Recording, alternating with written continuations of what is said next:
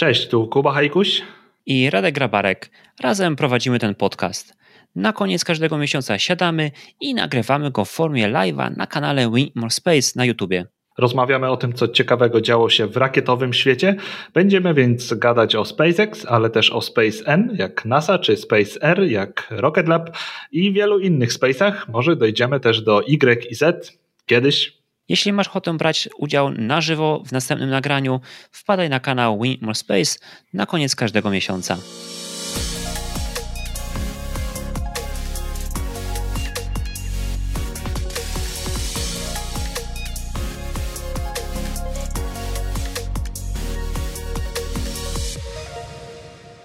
Cześć. Witajcie w następnym odcinku Space XYZ, Space XYZ. Dzisiaj będziemy rozmawiać o tym, co ciekawego kosmicznego działo się e, w lutym 2021 roku. A działo się bardzo, bardzo dużo. Jeśli nie spędziliście tego czasu w Bieszczadach, bez komórki, podziwiając niedźwiedzie, to na pewno słyszeliście o tym, że było lądowanie łazika NASA Perseverance na Marsie. Był też test Starshipa SN9 na początku miesiąca, który zakończył się wielkim boom, ale działo się jeszcze więcej i to naprawdę mega duże newsy z kategorii turystyka kosmiczna, z kategorii jak zostać astronautą na serio i zapowiedź nowej rakiety, nowej, kompletnie nowej, o której nie wiedzieliśmy jeszcze do niedawna e, w ogóle nic na ten temat. I to powtarzam, nie są clickbaity, to się naprawdę działo w lutym. I o tym wszystkim porozmawiamy dzisiaj e, na tym e, live. A porozmawiam ja z kim? Z tej strony Kuba Hajkuś z kanału To Jakiś Kosmos. Jesteśmy drugi raz na live z podsumowania miesiąca. Dobry wieczór. Dobry wieczór, cześć, e, dzień dobry, hej, witajcie, się macie. Mm, I będziemy zaczynać, bo tak jak tutaj robiłem w tym wstępie, no działo się naprawdę bardzo, bardzo dużo. Pojawia się tradycyjne pytanie, kiedy wiadomo, kiedy będzie start następnego Starshipa. Do tego dojdziemy po kolei, po kolei cierpliwości. No myślę, że nikt przed startem tego tutaj, tutaj live'a nie miał wątpliwości, że będziemy rozmawiać o dwóch rzeczach, tak, Kuba? Będziemy rozmawiać oczywiście o lądowaniu Perseverance i będziemy rozmawiać o Starshipach. A jeszcze o, o kilku rzeczach e, to dla niektórych, już tutaj widzę, niektórzy wiedzą, ale dla niektórych to jest oczywiście jeszcze niespodzianka. Więc zaczynamy i myślę, że będziemy szli tak w miarę chronologicznie. Czyli ja bym zaczął od tego pana. Co się stało z tym panem? Bo to też było tak, że my mieliśmy tego live'a ostatniego dokładnie 1 lutego, a ta bestia poleciała drugiego. Mhm. E, z jednej strony to się wydaje, jakby y, ten test dziewiątki był, tak? To była dziewiątka? Dziewiątka. Jakby to było milion lat temu, już tak strasznie dawno, ale z drugiej strony e, jakby to było wczoraj. Wiem, że to dziwnie brzmi, ale e, wiele szczegółów e, już, już człowiek tak nie kojarzy, bo się żyje tymi testami, znaczy tymi przygotowaniami do, do dziesiątki. No i co? No i dziewiątka miała generalnie powtórzyć to, co zrobiła ósemka. E, obniżyli pułap. Nie, nie było to 12,5 km, tylko w tym przypadku dziewiątka leciała na 10 kilometrów. I ja miałem oczekiwania takie, że wydawało mi się, że się uda, e, że dziewiątka wyląduje, e, a ten test był troszkę delikatnie gorszy, znaczy gorszy miał wynik niż, e, niż ósemka. Ósemka się ładnie spionizowała, silnik jeden zgasł po drodze, no a podczas testów dziewiątki, podczas lądowania, kiedy mają się uruchomić oba silniki, znaczy dwa z trzech silników, kiedy mają się uruchomić, e, to niestety jeden w ogóle nie wystartował i ten e, SN9 nam się w ogóle nie spionizował, e, więc no tak trochę pod kątem uderzył, ale mimo wszystko nadal jakby mega sukces, bo doleciał do miejsca swojego lądowania, więc to też nie jest tak, że nie wiadomo gdzie się zdetonował, tylko przywalił w, w miejsce do lądowania. I nie uszkodził dziesiątki. I nie uszkodził dziesiątki. To jest też ważne, bo ta dziesiątka stała tam zaraz obok. To w ogóle jakiś taki absurd. Dla mnie jest to totalnie nielogiczne, jak można robić taki test, gdzie jest bardzo, bardzo wysokie prawdopodobieństwo, że dojdzie do eksplozji e, i zostawić tam kolejny prototyp. Ile to jest? 200-300 metrów e, od, e, od miejsca lądowania. Tutaj mamy gdzieś też na tej prezentacji schemat jakby tego, tej placówki. No właśnie, i, i ten, ten niżej E, Starship to jest SN9, który wystartował, ten wyżej to jest dziesiątka, która tam sobie czekała, a lądowisko to jest kwadrat tak mniej więcej na środku, trochę po prawej. No i tam doszło do eksplozji, e, kiedy dziewiątka uderzyła w ten plac, no ale na szczęście dziesiątce nic się nie stało. Ale znaczy ja, ja myślę, że wiesz, wytłumaczenie najprostsze jest takie, że no po prostu jakby nie mają więcej miejsca tak na, na razie takiego przygotowanego.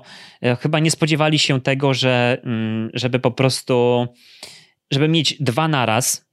Myślę, że myśleli raczej, że wystrzelą najpierw e, dziewiątkę, przecież było całe, całe zamieszanie z FAA i, i tak dalej, zgodą.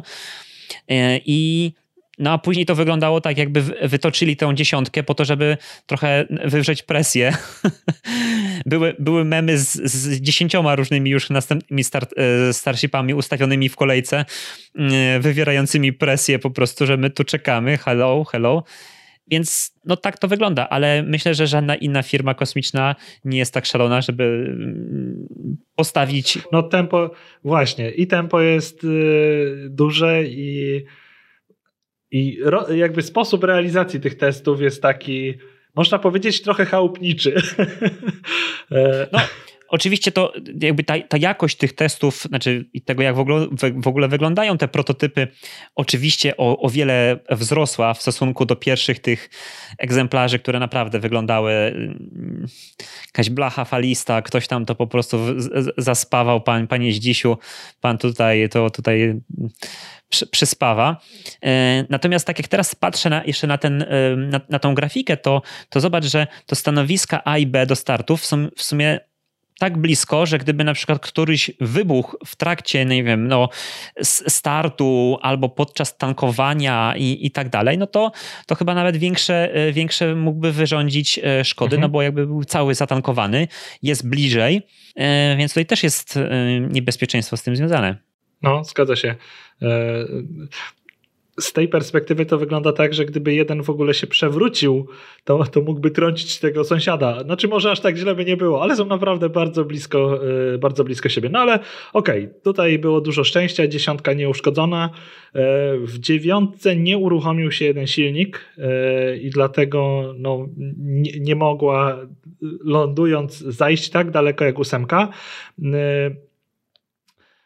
I potem, potem zaczęły się na Twitterze pojawiać e, różne, znaczy e, jakby różne sugestie takie. Ludzie pisali, e, dlaczego SpaceX nie robi czegoś tam, dlaczego robią to coś tak, a nie inaczej. I jakiś gość napisał, że a może powinni po prostu odpalać wszystkie trzy silniki i w momencie, kiedy okaże się, że znaczy nie, nie jakby odpalają naraz trzy silniki, wybiera, jeżeli wszystkie trzy wystartują, no to dobra, to jeden wyłączają i na dwóch lądują, bo na tylu trzeba lądować. E, a jeżeli któryś nie zaskoczy, no to jest prawdopodobieństwo wyższe, że, że dwa pozostałe zainicjują się poprawnie.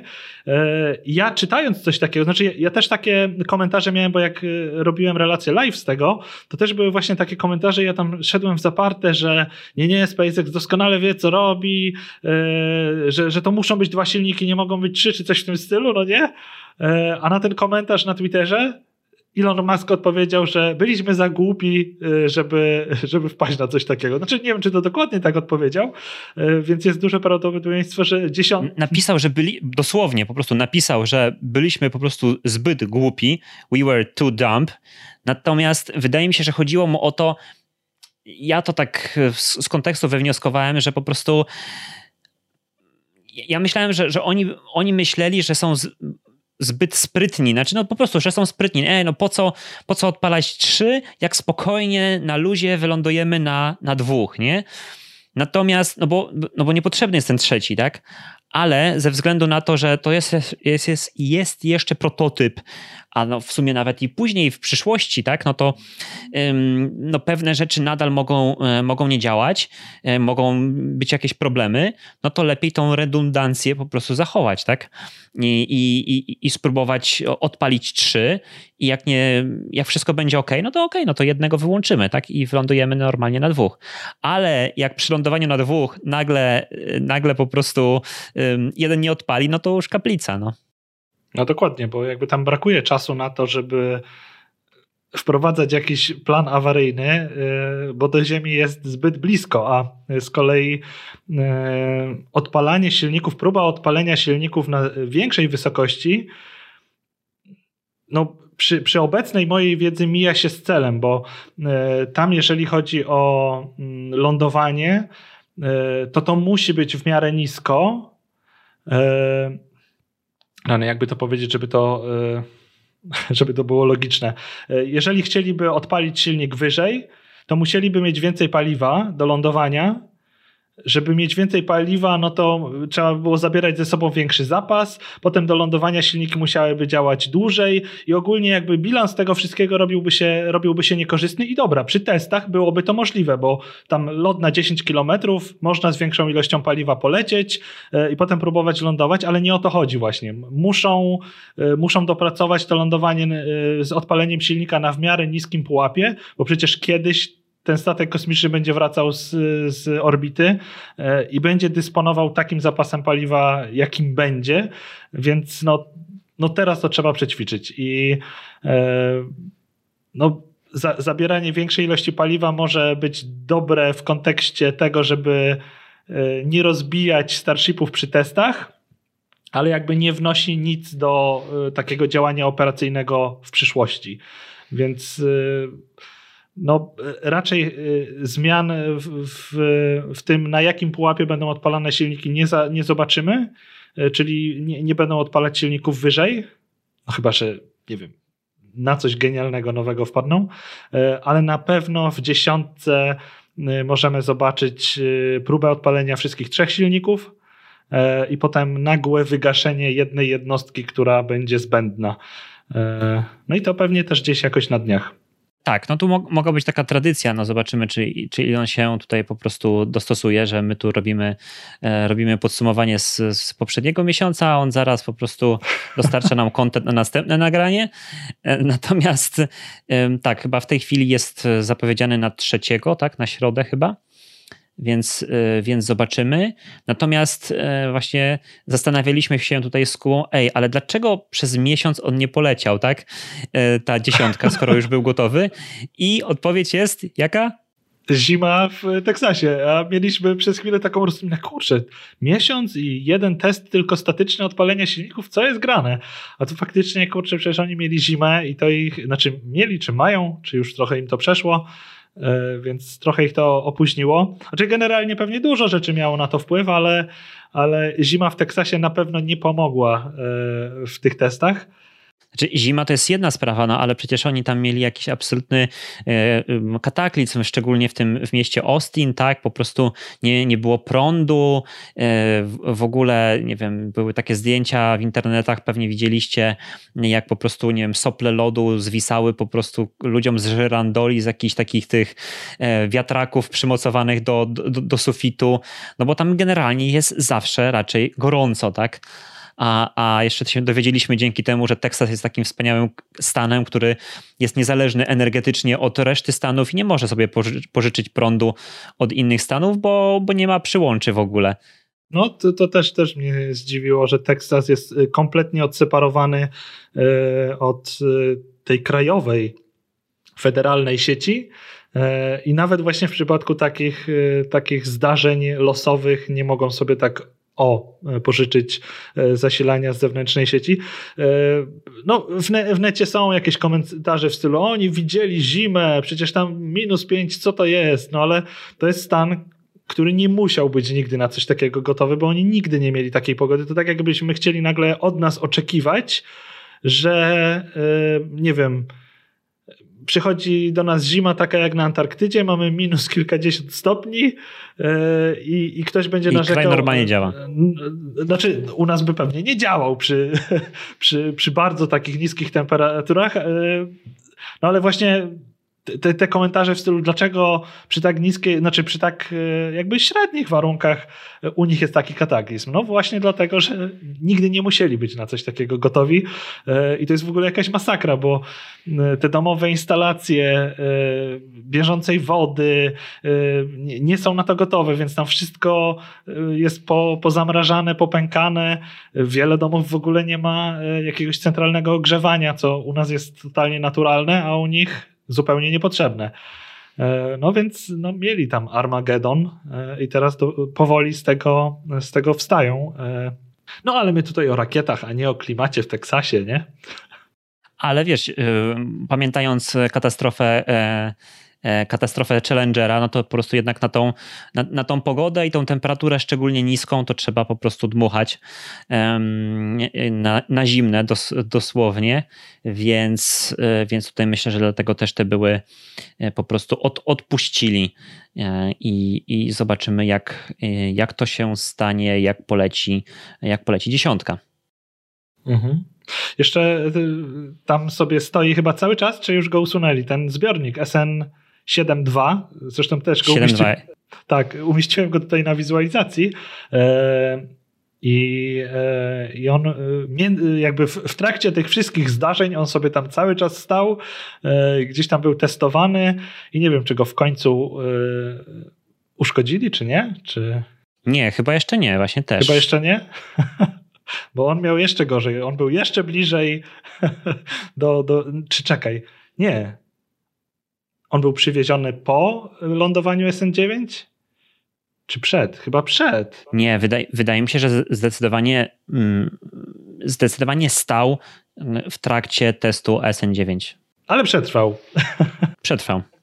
Znaczy, wiesz, no, tak już podsumowując, no, oni zakładają, że po prostu nie będą tych rakiet budować tak konwencjonalnie, latami i tak dalej, i tak dalej więc y, po prostu no, no liczę się z tym, no kurde, no jak nie, no to wyspawamy następny. no chyba, chyba... Koszty, koszty budowy tych y, prototypów y, to jest coś do 20 milionów dolarów, co przy takim przedsięwzięciu i takiej wielkości rakiety to są tak naprawdę grosze, bo to jest zdecydowanie poniżej kosztów na przykład Falcona 9 najtańszy Falcon 9, jaki się da, i tak będzie chyba ze dwa razy droższy e, niż jeden prototyp Starshipa, więc e, mhm. mega ekonomicznie tutaj e, tak, tak, tak, tak, działają tak. przy tym. No dobrze, to co? I jedziemy dalej? Jedziemy dalej. To jak? Jak myślicie, widzowie i uczestnicy czatu, co było ważniejsze w lutym? Perseverance czy SN9, który jeden wylądował, drugi nie bardzo? No ja właśnie z, z, zrobiłem e, na kanale Win More Space taką, taką sondę dzisiaj po prostu e, e, rano.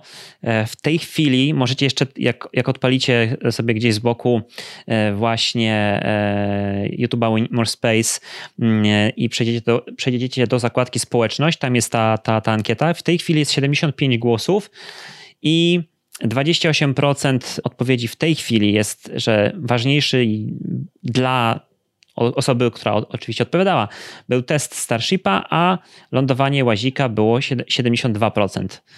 Może to się, nie wiem, tutaj e, zgadzacie, nie zgadzacie? A czy czat tutaj e, wśród odpowiedzi, które teraz się pojawiają, większość jest za łazikiem? Moje zdanie jest również przy łaziku, y, że to było coś zdecydowanie większego i ważniejszego. Jeden komentarz Camilonso, y, tak dobrze czytam, y, Nick. Najważniejsze było, że Starhopper znów przetrwał. zdecydowanie, tak. zdecydowanie. E, też mi się tak wydaje, że jednak Persji to coś bardziej ważnego ale to, no więc e, ja powiem, ja powiem swoje, swoje zdanie, że no, owszem, tu, tutaj e, ekscytujemy się tym, e, tymi, tymi starshipami i tutaj właśnie w tej ankiecie też była taka odpowiedź, że że, że Starship budzi we mnie większe emocje. Jedna osoba skomentowała właśnie w ten sposób. Natomiast, bo, bo po prostu no, ten, ten cały projekt Starshipa, no oczywiście jest, jest wspaniały, tak? I możemy to śledzić na żywo, każdy mały test. Jasne, pobudza to nasze emocje, ale musimy sobie to jakby wziąć w kontekst, tak? Czyli Perseverance. Był development chyba od, zaczął się w 2013, tak? Chyba mniej więcej po tym, jak Curiosity wy, wylądował, czyli prawie no, no, no 8 lat y, teraz po prostu rozwoju. 2,7 e, chyba miliarda dolarów po prostu ten projekt pochłonął. No i te łaziki e, NASA nie lądują tak często na tym Marsie, tak?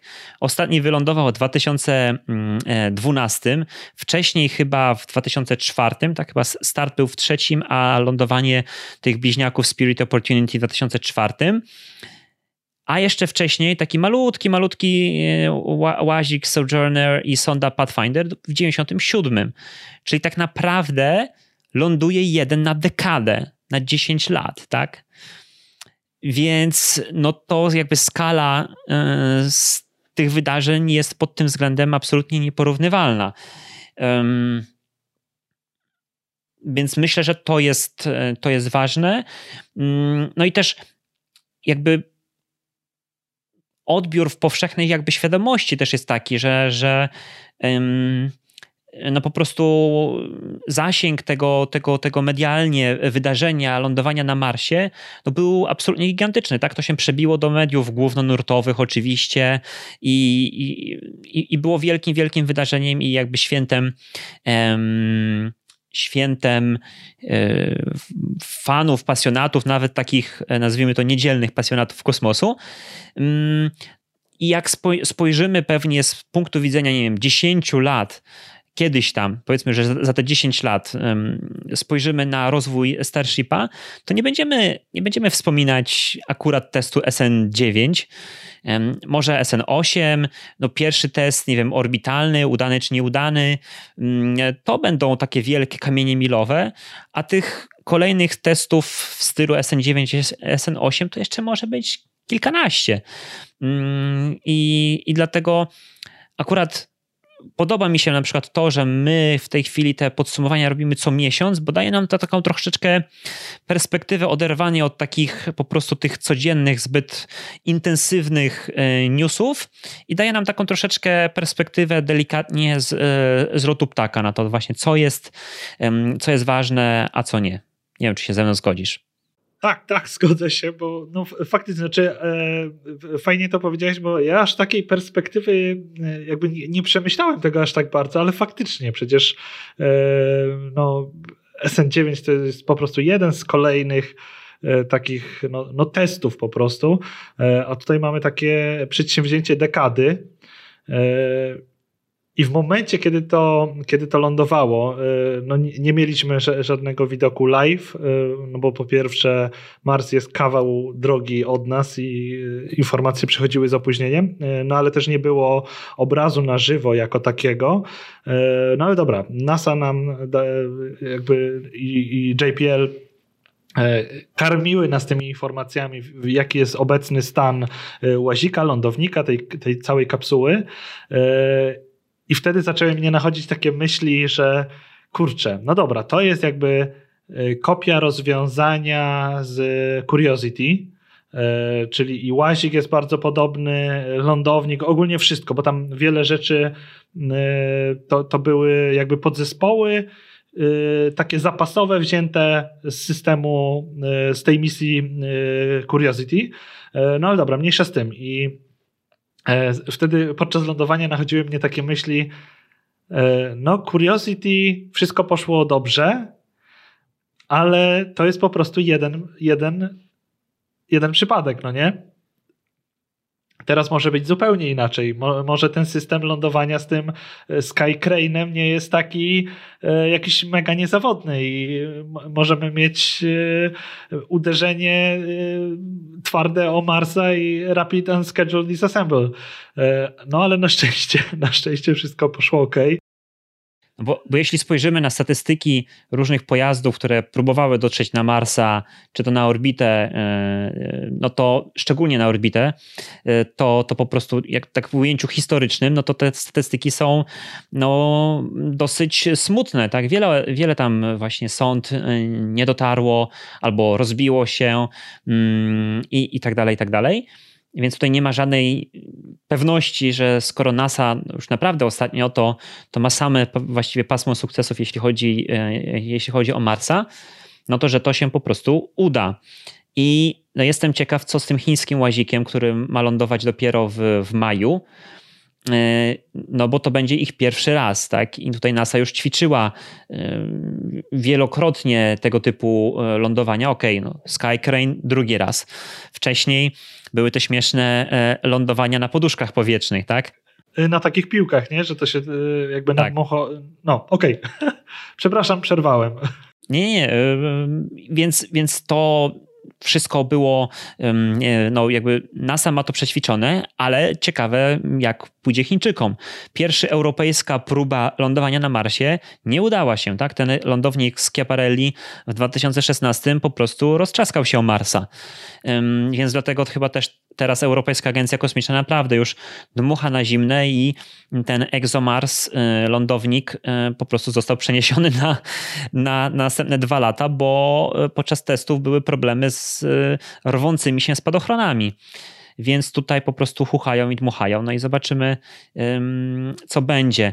Co do Sky Crane'a, to wiesz co, ja, ja, nie miałem takich wątpliwości może, co, czy, czy, czy to zadziała. Natomiast różnica duża w, w lądowaniu um, Perseverance w stosunku do Curiosity jest taka, że teraz miał ten system tam Terrain Relative Navigation chyba, tak to, tak, tak to się nazywało i miał wylądować w o wiele mniejszym kółeczku, takiej elipsie niż, niż wcześniej i na trudniejszym terenie.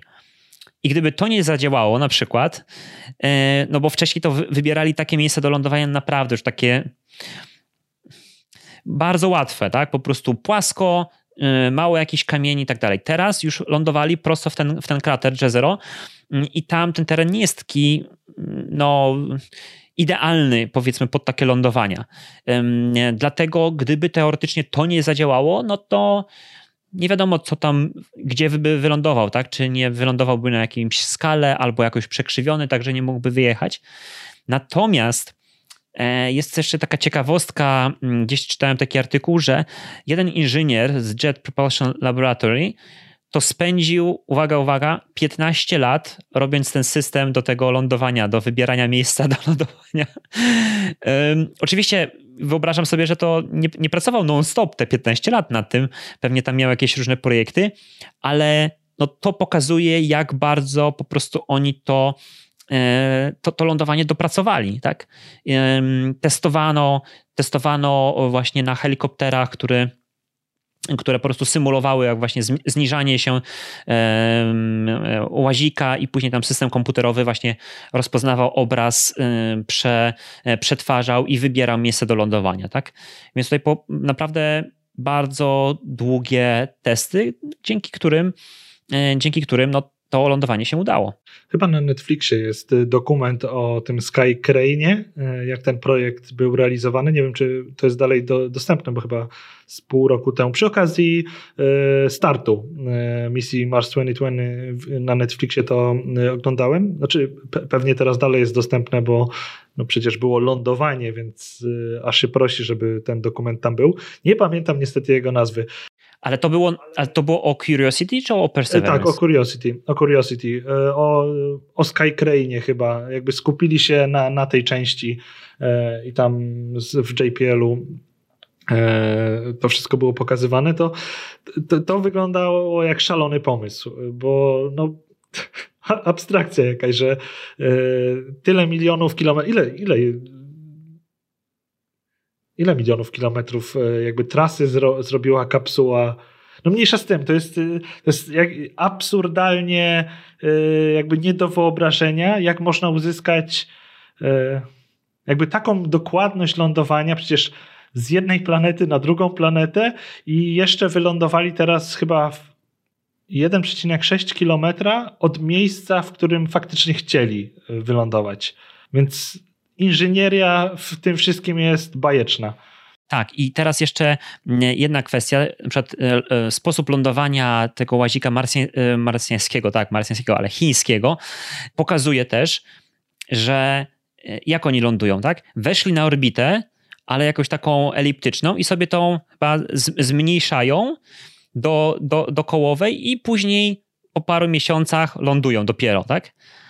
A NASA to po prostu ląduje po prostu od razu z interplanetarnej po prostu trajektorii, ląduje bezpośrednio celuje prosto w to miejsce, które ma wylądować i tak dalej. To jest i energia, którą po prostu trzeba wytracić, jest większa i musi być precyzyjne właśnie w wcelowanie e, w odpowiednie miejsce, więc e, tutaj znaczy, naprawdę. Tutaj jakby plusem tro, trochę jest na, na korzyść misji Mars 2020 było to, że atmosfera Marsa jest no, rzadsza i ta osłona termiczna, mimo że wejście w atmosferę było przy dość dużej prędkości, to dzięki temu, że ta atmosfera jest rzadsza, to e, osłona termiczna nie miałaby, mm, nie, znaczy nie miała tak dużych znaczy rany, nie mogę się wysłowić, e, nie, nie miała tak trudno, gdyby było na odwrót. Gdyby z Marsa lecieć na Ziemię i z taką prędkością wchodzić w naszą atmosferę, wyobrażam sobie, że byłoby o wiele gorzej. E, na, na szczęście tutaj no, ta, ta osłona termiczna nie, musiałaby, nie, nie musiała wytrzymywać aż tak wysokich temperatur. E, no i też jeżeli chodzi o różnicę między misją NASA a, a chińską, no to Chińczycy dlatego mają to tak odsunięte w czasie, bo ich misja składa się z bardzo wielu komponentów. Oni chcieli jeszcze ugrać po drodze zostawienie orbitera na orbicie Marsa, no więc trzeba było całym tym zestawem najpierw wejść e, na orbitę i dlatego ta ekscentryczna orbita, bo e, no, wchodząc na orbitę Marsa nie da się od razu, znaczy no pewnie by się dało, ale bardzo dużym wysiłkiem paliwowym od razu na jakąś taką w miarę niską orbitę, a tak oni z czasem będą sobie zaokrąglać tę ekscentryczną orbitę, a potem odrzucą jeszcze, jeszcze lądownik, więc E, no jakby specyfika obu tych misji jest, jest tak, tak różna, że e, Amerykanie stwierdzili, dobra, mamy po prostu łazik, no to nie będziemy się bawić w żadne e, wchodzenie na żadne orbity i marnować jakieś paliwo, bo nie jest to nam do niczego potrzebne. Tylko od razu wycelować w to miejsce, w które trzeba, wchodzimy, wchodzimy w atmosferę. Chińczycy inaczej. Mają orbiter, który trzeba gdzieś bezpiecznie zaparkować na jakiejś orbicie, więc trochę czasu zajmie E, jakby szlifowanie tej orbity, a potem dopiero e, zejście, zejście łazikiem. Ciekawe, czy gdyby e, wysyłali sam łazik, to pewnie zdecydowaliby się też na wejście w, atmo w atmosferę Marsa tak wprost. Ciekawe, jak ta europejska misja. Nie sprawdzałem tego, muszę sobie gdzieś, gdzieś poszukać informacji, bo tam też jest sam łazik. Tam nie, nie, nie będzie żadnego orbitera Orbitera nie, natomiast będzie lądownik. Znaczy, jakby tu jest klasycznie, tak? Bez Sky, tylko rosyjski lądownik o pięknej nazwie Kazaczok e, po prostu wyląduje i z niego zjedzie, e, zjedzie po prostu e, ten łazik, który teraz został ochrzczony Rosalind Franklin, więc. Mhm, mhm. Aż sobie to muszę sprawdzić, czy, czy tutaj będzie wchodzenie, bo jakby w mojej głowie teraz ta różnica jest dość jasna. Chińczycy musieli wejść na orbitę, bo muszą zostawić orbiter. Amerykanie nie potrzebowali, więc od razu w atmosferę. Ciekawe, jak zrobią to Europejczycy razem z Rosjanami. E, aż sobie to, e, jak skończymy live, to aż sobie będę ten temat jakoś e, poszukiwał. I różnica jeszcze taka ciekawa, moim zdaniem, jest taka, że właśnie ten europejski no, lądownik i łazik ląduje aż z dwoma jakby zestawami spadochronów, że najpierw otwiera taki jeden większy e, wcześniej i później jeszcze drugi, mniejszy. E, I tutaj jest po prostu podwójne kombinowanie ze spadochronami.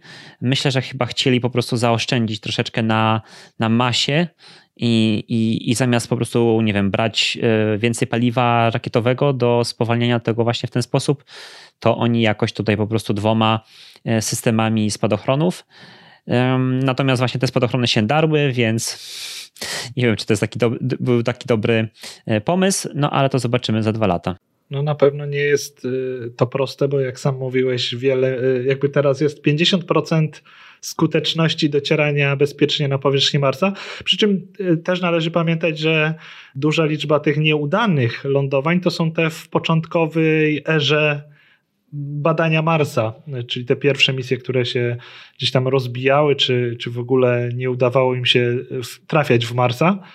Tak, ale z drugiej strony, na przykład teraz te dwie e, prywatne czy prywatno-państwowe, ale z mniejszych, z mniejszych no, Chodzi mi o misję oczywiście na Księżyc, tak? Mhm. Właśnie ta mhm. indyjska i z Izraela. E, nie można powiedzieć o Indiach, że to jest mniejszy kraj, ale z mniejszymi tradycjami kosmicznymi, tak chyba mhm. muszę z tego wybrnąć. To no niestety, no wydawa, wydaje mi się, o, Księżyc blisko, NASA już to robiła tyle razy, a się nie udało, tak? Więc y, myślę, że tak samo po prostu z Marsem, nie? Że tutaj po prostu trzeba y, naprawdę o tylu rzeczach pomyśleć i, i no, podejść do tego naprawdę bardzo perfekcjonistycznie i, i, sprawdzić wiele różnych rzeczy. To może pójść nie tak, to może pójść nie tak.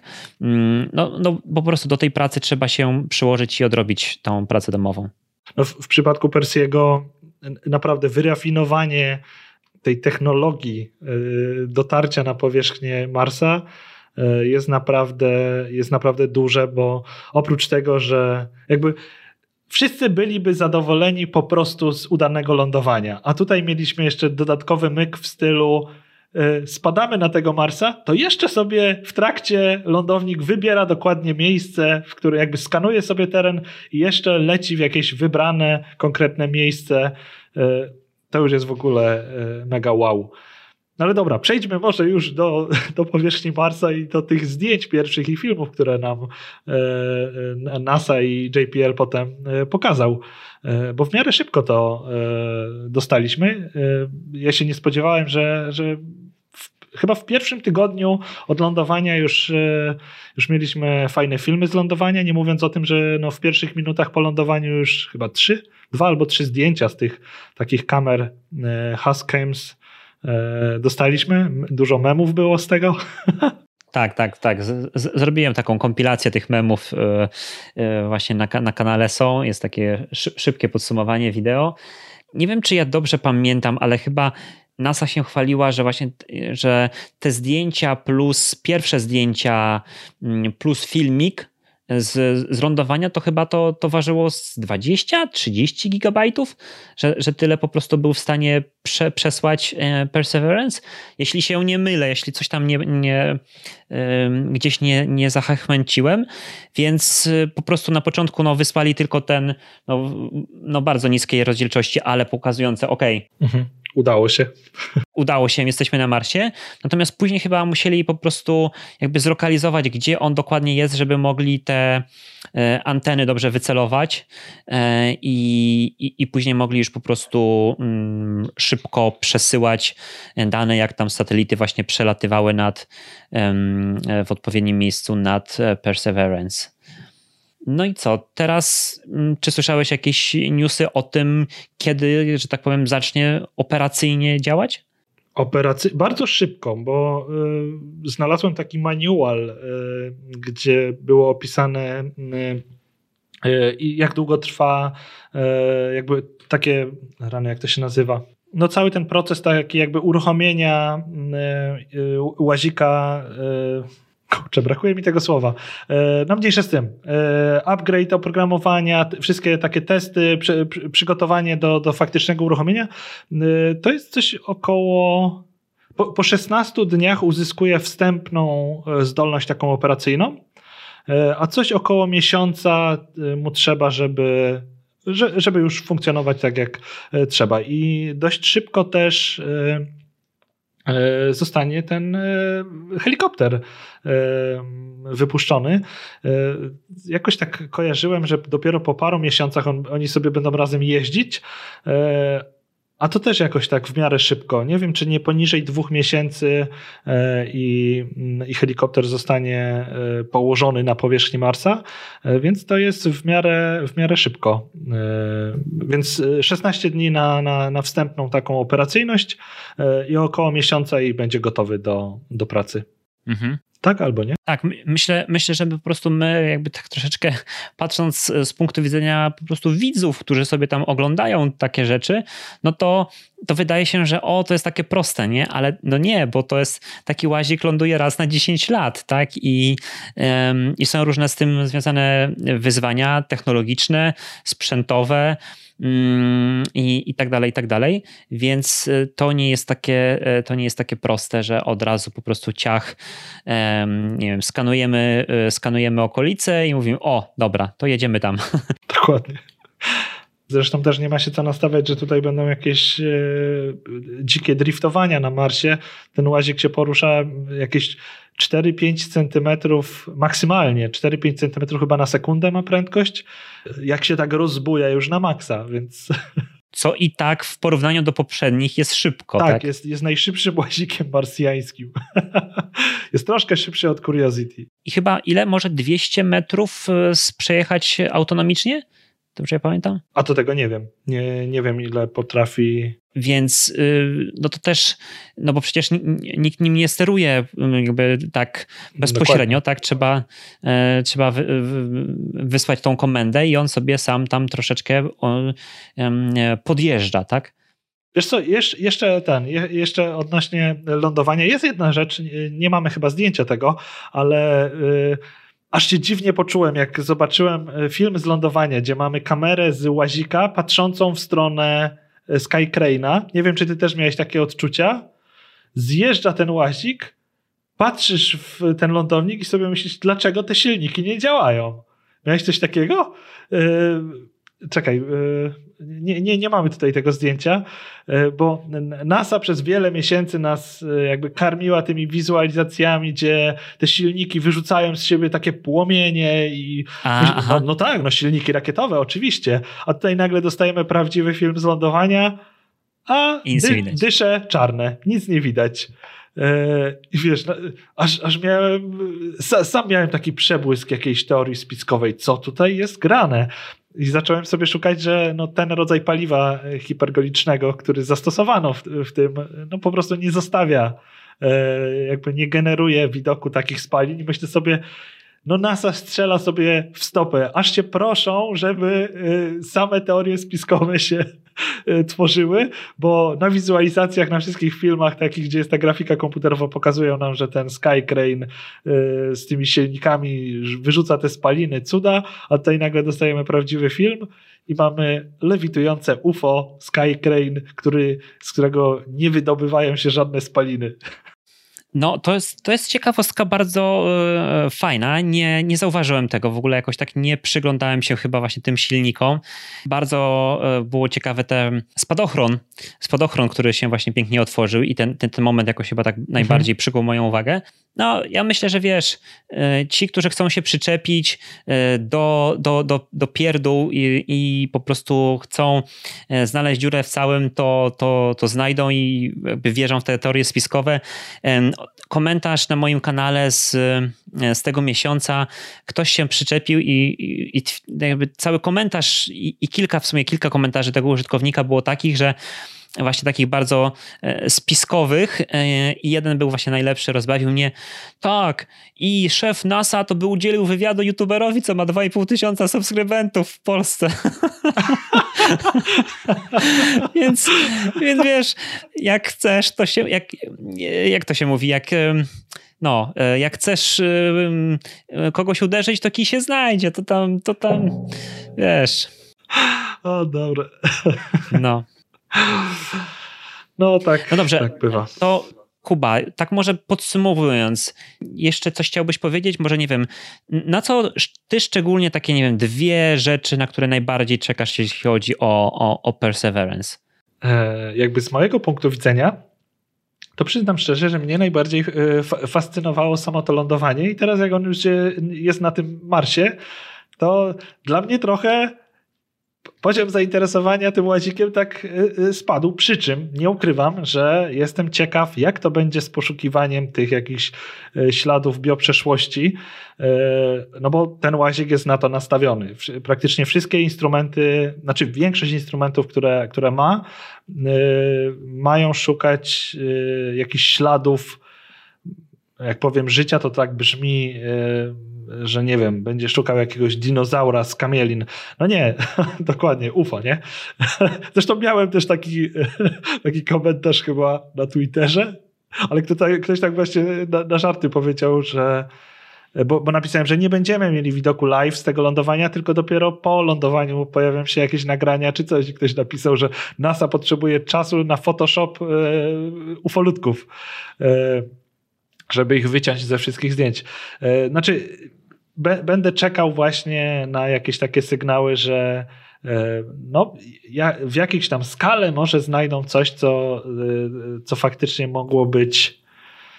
Znaczy, na pewno to nie będzie tak, że zrobią jakiś test, jakieś próbki i od razu, o, to było życie. Nie, to pewnie wszystko będzie podlegać jakiejś wielomiesięcznej analizie, no ale generalnie jakby na to, na to czekam. Bo jeżeli chodzi o technikalia, no to Curiosity nam już jakby tutaj wszystko pokazał e, odnośnie tego, tego rodzaju łazika, więc w przypadku Persiego tak naprawdę jestem ciekaw, czy w tym kraterze Jezero będzie coś, nad czym będzie można się zmużdżać, czy to była kiedyś jakaś bakteria, czy nie. To mnie osobiście dość tak ciekawi. Tak, no bo jeśli pamiętasz ten serial e, Mars z National Geographic, no to uwaga, spoiler. Teraz zakryjcie uszy, jeśli nie widzieliście tego Marsa. Po prostu zakrywamy uszy, bo mówię spoiler, więc uwaga, uwaga. Znaleziono życie tam w którymś momencie i E, I to były takie ruszające się jakby takie, jak pod mikroskop włożyli, to takie było ruszające się robaczki, nie? Powiedzmy, jakieś takie y, bakterie, tak?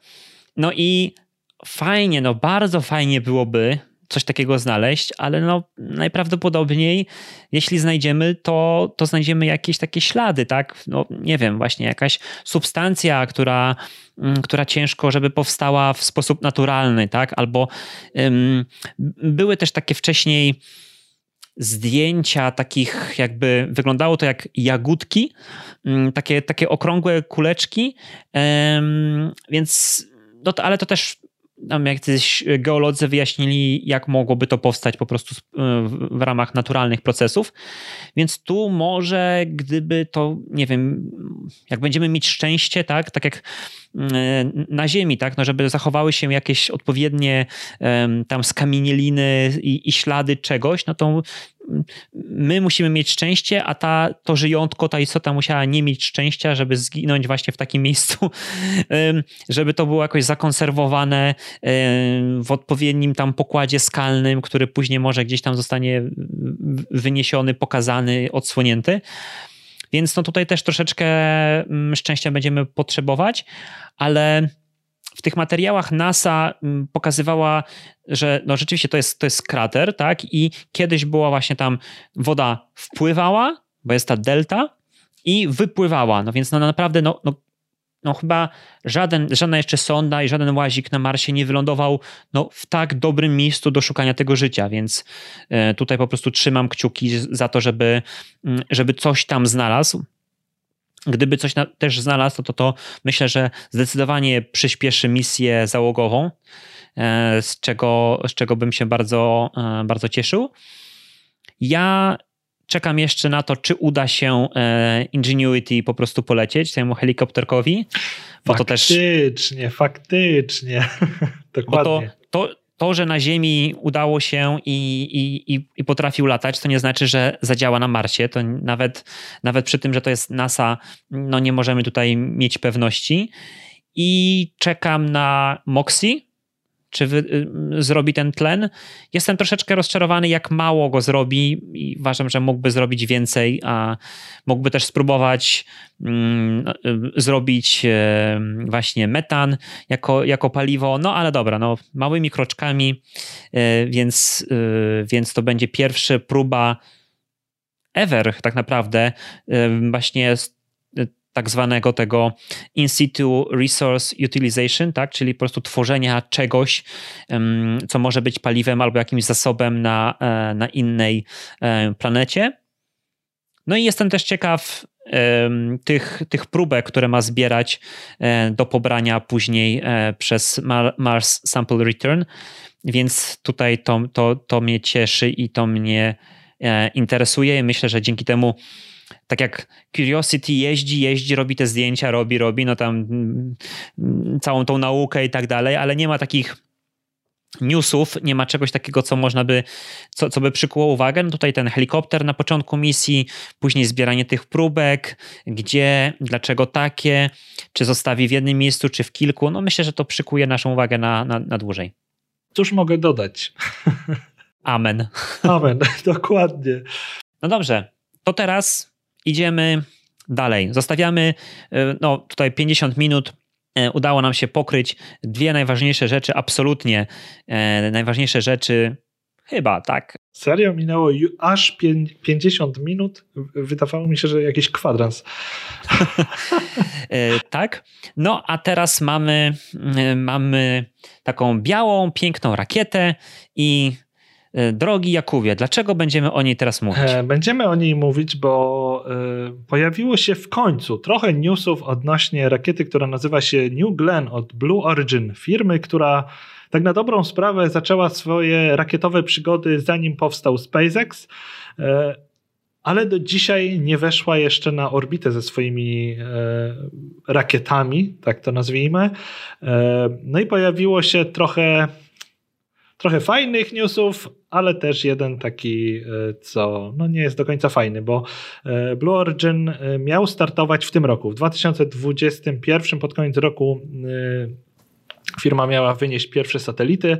Zresztą jeszcze. Nie wiem, czy widziałeś, nie wiem, czy Kuba widziałeś, dwóch takich tu youtuberów zrobiło ta, e, takiego live'a i po prostu tam opowiadali, jakie rakiety będą startować w 2021 tak, roku. Tak. No i oczywiście jakiś tam New Glenn ma startować, a teraz co? Co oni sobie myślą? No i prze, jest, jest przesunięty o rok, aż o rok na e, czwarty kwartał 2022 i nawet bym powiedział, że spoko. No okej, okay, tam się to, to opóźnia, e, ale niestety rzeczy, które nam pokazano, tro, trochę mnie martwią, bo tutaj widzimy teraz, jeżeli jesteście tylko słuchaczami, to nie, nie widzicie niestety, ale mamy tutaj wizualizację od Blue Origin e, tej ich rakiety. To jest bardzo duża rakieta. E, no i niestety nam się opóźniła o rok. Możesz przerzucić slajd na kolejny. tutaj mem z Reddita. jeżeli dalej tak pójdzie z Blue Origin z tymi opóźnieniami, to w pewnym momencie no, ta ich rakieta będzie na swój debiut przestarzała, bo y, Starship jest y, rozwijany bardzo szybko. Y, jeżeli Blue Origin dalej będzie no, opóźniać start swojej rakiety orbitalnej, no to pierwszy na rynku pojawi się ich konkurent o wiele większy. No i dobra, no i przy okazji ogłoszenia tej informacji, że, że się ten New Glenn opóźni. E, w końcu Blue Origin pokazał nam wnętrze swojej placówki e, i pokazano nam coś, co właśnie teraz wyświetlamy. E, to jest najprawdopodobniej tak zwany Pathfinder, czyli jakby rakieta w skali 1 do 1, ale nie taka, która ma polecieć, tylko która służy do ćwiczenia różnych procedur związanych ze startem. Ja to nazywam e, spasowywacz. Spasowywacz. Bardzo dobrze. Możemy do polskiej terminologii wprowadzić e, takie pojęcie, to nie będzie Pathfinder, to będzie spasowywacz. No i właśnie takiego spasowywacza e, Newglena tutaj widzimy. I to mnie zmartwiło, że tak na dobrą sprawę w tym filmie, który nam pokazano, nie ma konkretnych elementów faktycznej rakiety. Więc po tych bardzo, bardzo wielu latach firma zbudowała masę infrastruktury takiej naziemnej, ale nie powstała e, jakby faktyczna rakieta nadal. E, I oni w, w tym swoim e, komunikacie o opóźnieniu usprawiedliwiają się tym, że no, od wojska, od Pentagonu nie dostali kontraktu yy, i tam też yy, chyba, tak, jakby z, zrzucili winę na Pentagon, że yy, ten projekt, który, w którym jakby brali udział, że chcieli ładunki militarne wynosić dla wojska, nie zakwalifikowali się, więc to ich opóźni. No to jest trochę takie no nie do końca prawdziwe, bo po tym, co tutaj pokazano, że mają tylko tego Pathfindera i dobra, mają dużo infrastruktury naziemnej, mają platformę startową, cuda, e, ale jakby faktycznych komponentów rakiety mają niewiele, bo nawet tutaj gdzieś pokazywali owiewkę, e, czyli tylko jakby skorupę e, tej owiewki, bez żadnych komponentów takich wewnętrznych. To jest strasznie mało jakby nie, nie, ma się co dziwić, że jest to opóźnienie, bo faktycznie nie powstało wiele tej rakiety. I teraz pytanie, dlaczego? Przecież tyle lat, tyle pracy e, i z zewnątrz widać, że powstają budynki i, i, cała ta infrastruktura, ale nie powstało nic z tej rakiety. I no to jest kurczę dla mnie e, jakby trochę dołujące, że yy, no w, w, tym roku już, już miała lecieć ta rakieta. Kontrakty były podpisane, e, no są podpisane kontrakty takie cywilne, bo przecież Blue Origin miało wynosić e, cywilne satelity jakieś komunikacyjne. E, w zeszłym roku wypadli z dwóch ważnych projektów, bo faktycznie dla Pentagonu nie zakwalifikowali się do wynoszenia ładunków militarnych. Ten program zgarnął SpaceX na spółę z United Launch Alliance i też wypadli E, z wynoszenia e, pierwszego modułu stacji Gateway. E, chociaż oficjalnie NASA nie mówiła, że to Blue Origin zawiezie pierwszy moduł stacji Gateway wokół Księżyca, to firma Maxar, która ten moduł buduje, we wszystkich swoich materiałach pokazywała, że ten moduł leci y, rakietą New Glenn. Więc można było się spodziewać, że już gdzieś tam Maxar dogaduje się z Blue Origin, no ale potem NASA zmieniło zdanie i stwierdzili, że nie będą dwóch pierwszych modułów stacji Gateway wynosić osobno, tylko połączą je i trzeba im jedną dużą rakietę. I wszyscy wtedy zaczęli mówić, no to pewnie będzie to Falcon Heavy, bo to jest najcięższa rakieta, która może coś takiego wynieść. No i y, zaraz się y, przejdziemy do, też, do tego tematu. Y, no i wtedy New Glenn i Blue Origin wypadli jakby z tego kontraktu, czyli byli rozważani, ale jakby to ich przekreśliło totalnie, więc stracili program dla Pentagonu, stracili wynoszenie modułu stacji Gateway, zostali tylko z prywatnymi zamówieniami i teraz mówią, że to wszystko przez Pentagon. E, a wydaje mi się, że to mogło być na odwrót, że wojsko widziało, jak to się wszystko ślimaczy, no bo na pewno byli w tej fabryce i widzieli, co się dzieje, i mimo zapewnień Blue Origin, e, widzieli, że nie idzie to tak jak należy, więc wycofali się z, ze współpracy z nimi. E, no i podobnie mogło być z NASA, że widzieli, że, że ta rakieta nie jest bliska wystrzelenia, e, więc, więc stwierdzili, że trochę pozmieniają przy tej stacji Gateway i skierują się do kogoś innego. E, także tak, no fajne rzeczy nam tutaj pokazują, mhm, tak? Nie, ja, ja, ja po prostu wiesz, tutaj już ci chciałem przerwać tyle razy, bo po prostu to poruszyłeś dużo ciekawych wątków. Znaczy, ja może powiem tak. Jest takie słynny, słynne powiedzenie, tak, że w życiu pewne są tylko śmierć i podatki. Więc ja bym do tego dołożył, że w świecie tutaj rakiet jest pewne śmierć, podatki i opóźnienia. Więc to, że, że, że będą um, opóźnienia i to, że dwóch youtuberów mówiło na początku roku, że będzie start New Glena w 2021, to, to, to wiadomo, że tam można, y, można to tak troszeczkę y, z, z przymrużeniem oka. Natomiast co naprawdę mnie jakoś powiedzmy troszeczkę zasmuciło albo zdołowało, to jest to, że no bo Blue Origin nie jest normalną firmą, tak? Jest firmą założoną przez miliardera Jeffa Bezosa i oni tej kasy mają, no, jak na standardy tej branży, naprawdę dużo, jak na standardy też prywatnych firm. Więc naprawdę rozczarowujące uważam jest to, że nie polecieli jeszcze na orbitę. E, a nawet ta rakieta New Shepard, która już przetestowana wielokrotnie, nadal jeszcze nie zabrała e, na, na pokład e, no, ludzi po prostu, tak? I teraz odłożenie o rok właśnie tego New Glena, no to znaczy okej, okay, każdy, kto przynajmniej troszeczkę zajmuje się e, kosmosem, liznął choć troszeczkę inżynierii kosmicznej, wie, że, że nie jest to łatwe. Nie jest to łatwe, tak? To jest bardzo trudne. No ale to komu ma się powieść, jak nie miliarderowi, który teoretycznie nie musi się oglądać na jakiś tam Pentagon, na jakieś tam zamówienia rządowe, bo on, jego jest po prostu stać na to, żeby inwestować w tą firmę i Jeff Bezos to robi od wielu lat. Ale jak pokazuje no, jego historia, ale historia też innych miliarderów czy milionerów, o których teraz już troszeczkę nie pamiętamy, to to, że masz pieniądze i nawet zatrudnisz dobrych ludzi, to nie znaczy, że oni coś zbudują, co, co przetrwa tam, no nie wiem, kilka lat, tak? I, i, i to jest chyba po prostu troszeczkę, e, troszeczkę smutne pod tym względem właśnie, że, że nawet firma z zasobami finansowymi, no jednak nie działa tak szybko i tak sprawnie jak, e, jak e, SpaceX. No i może się tak okazać właśnie, że w tym 2022 zobaczymy, zobaczymy na orbicie Starshipa i dopiero wtedy debiut New Glena.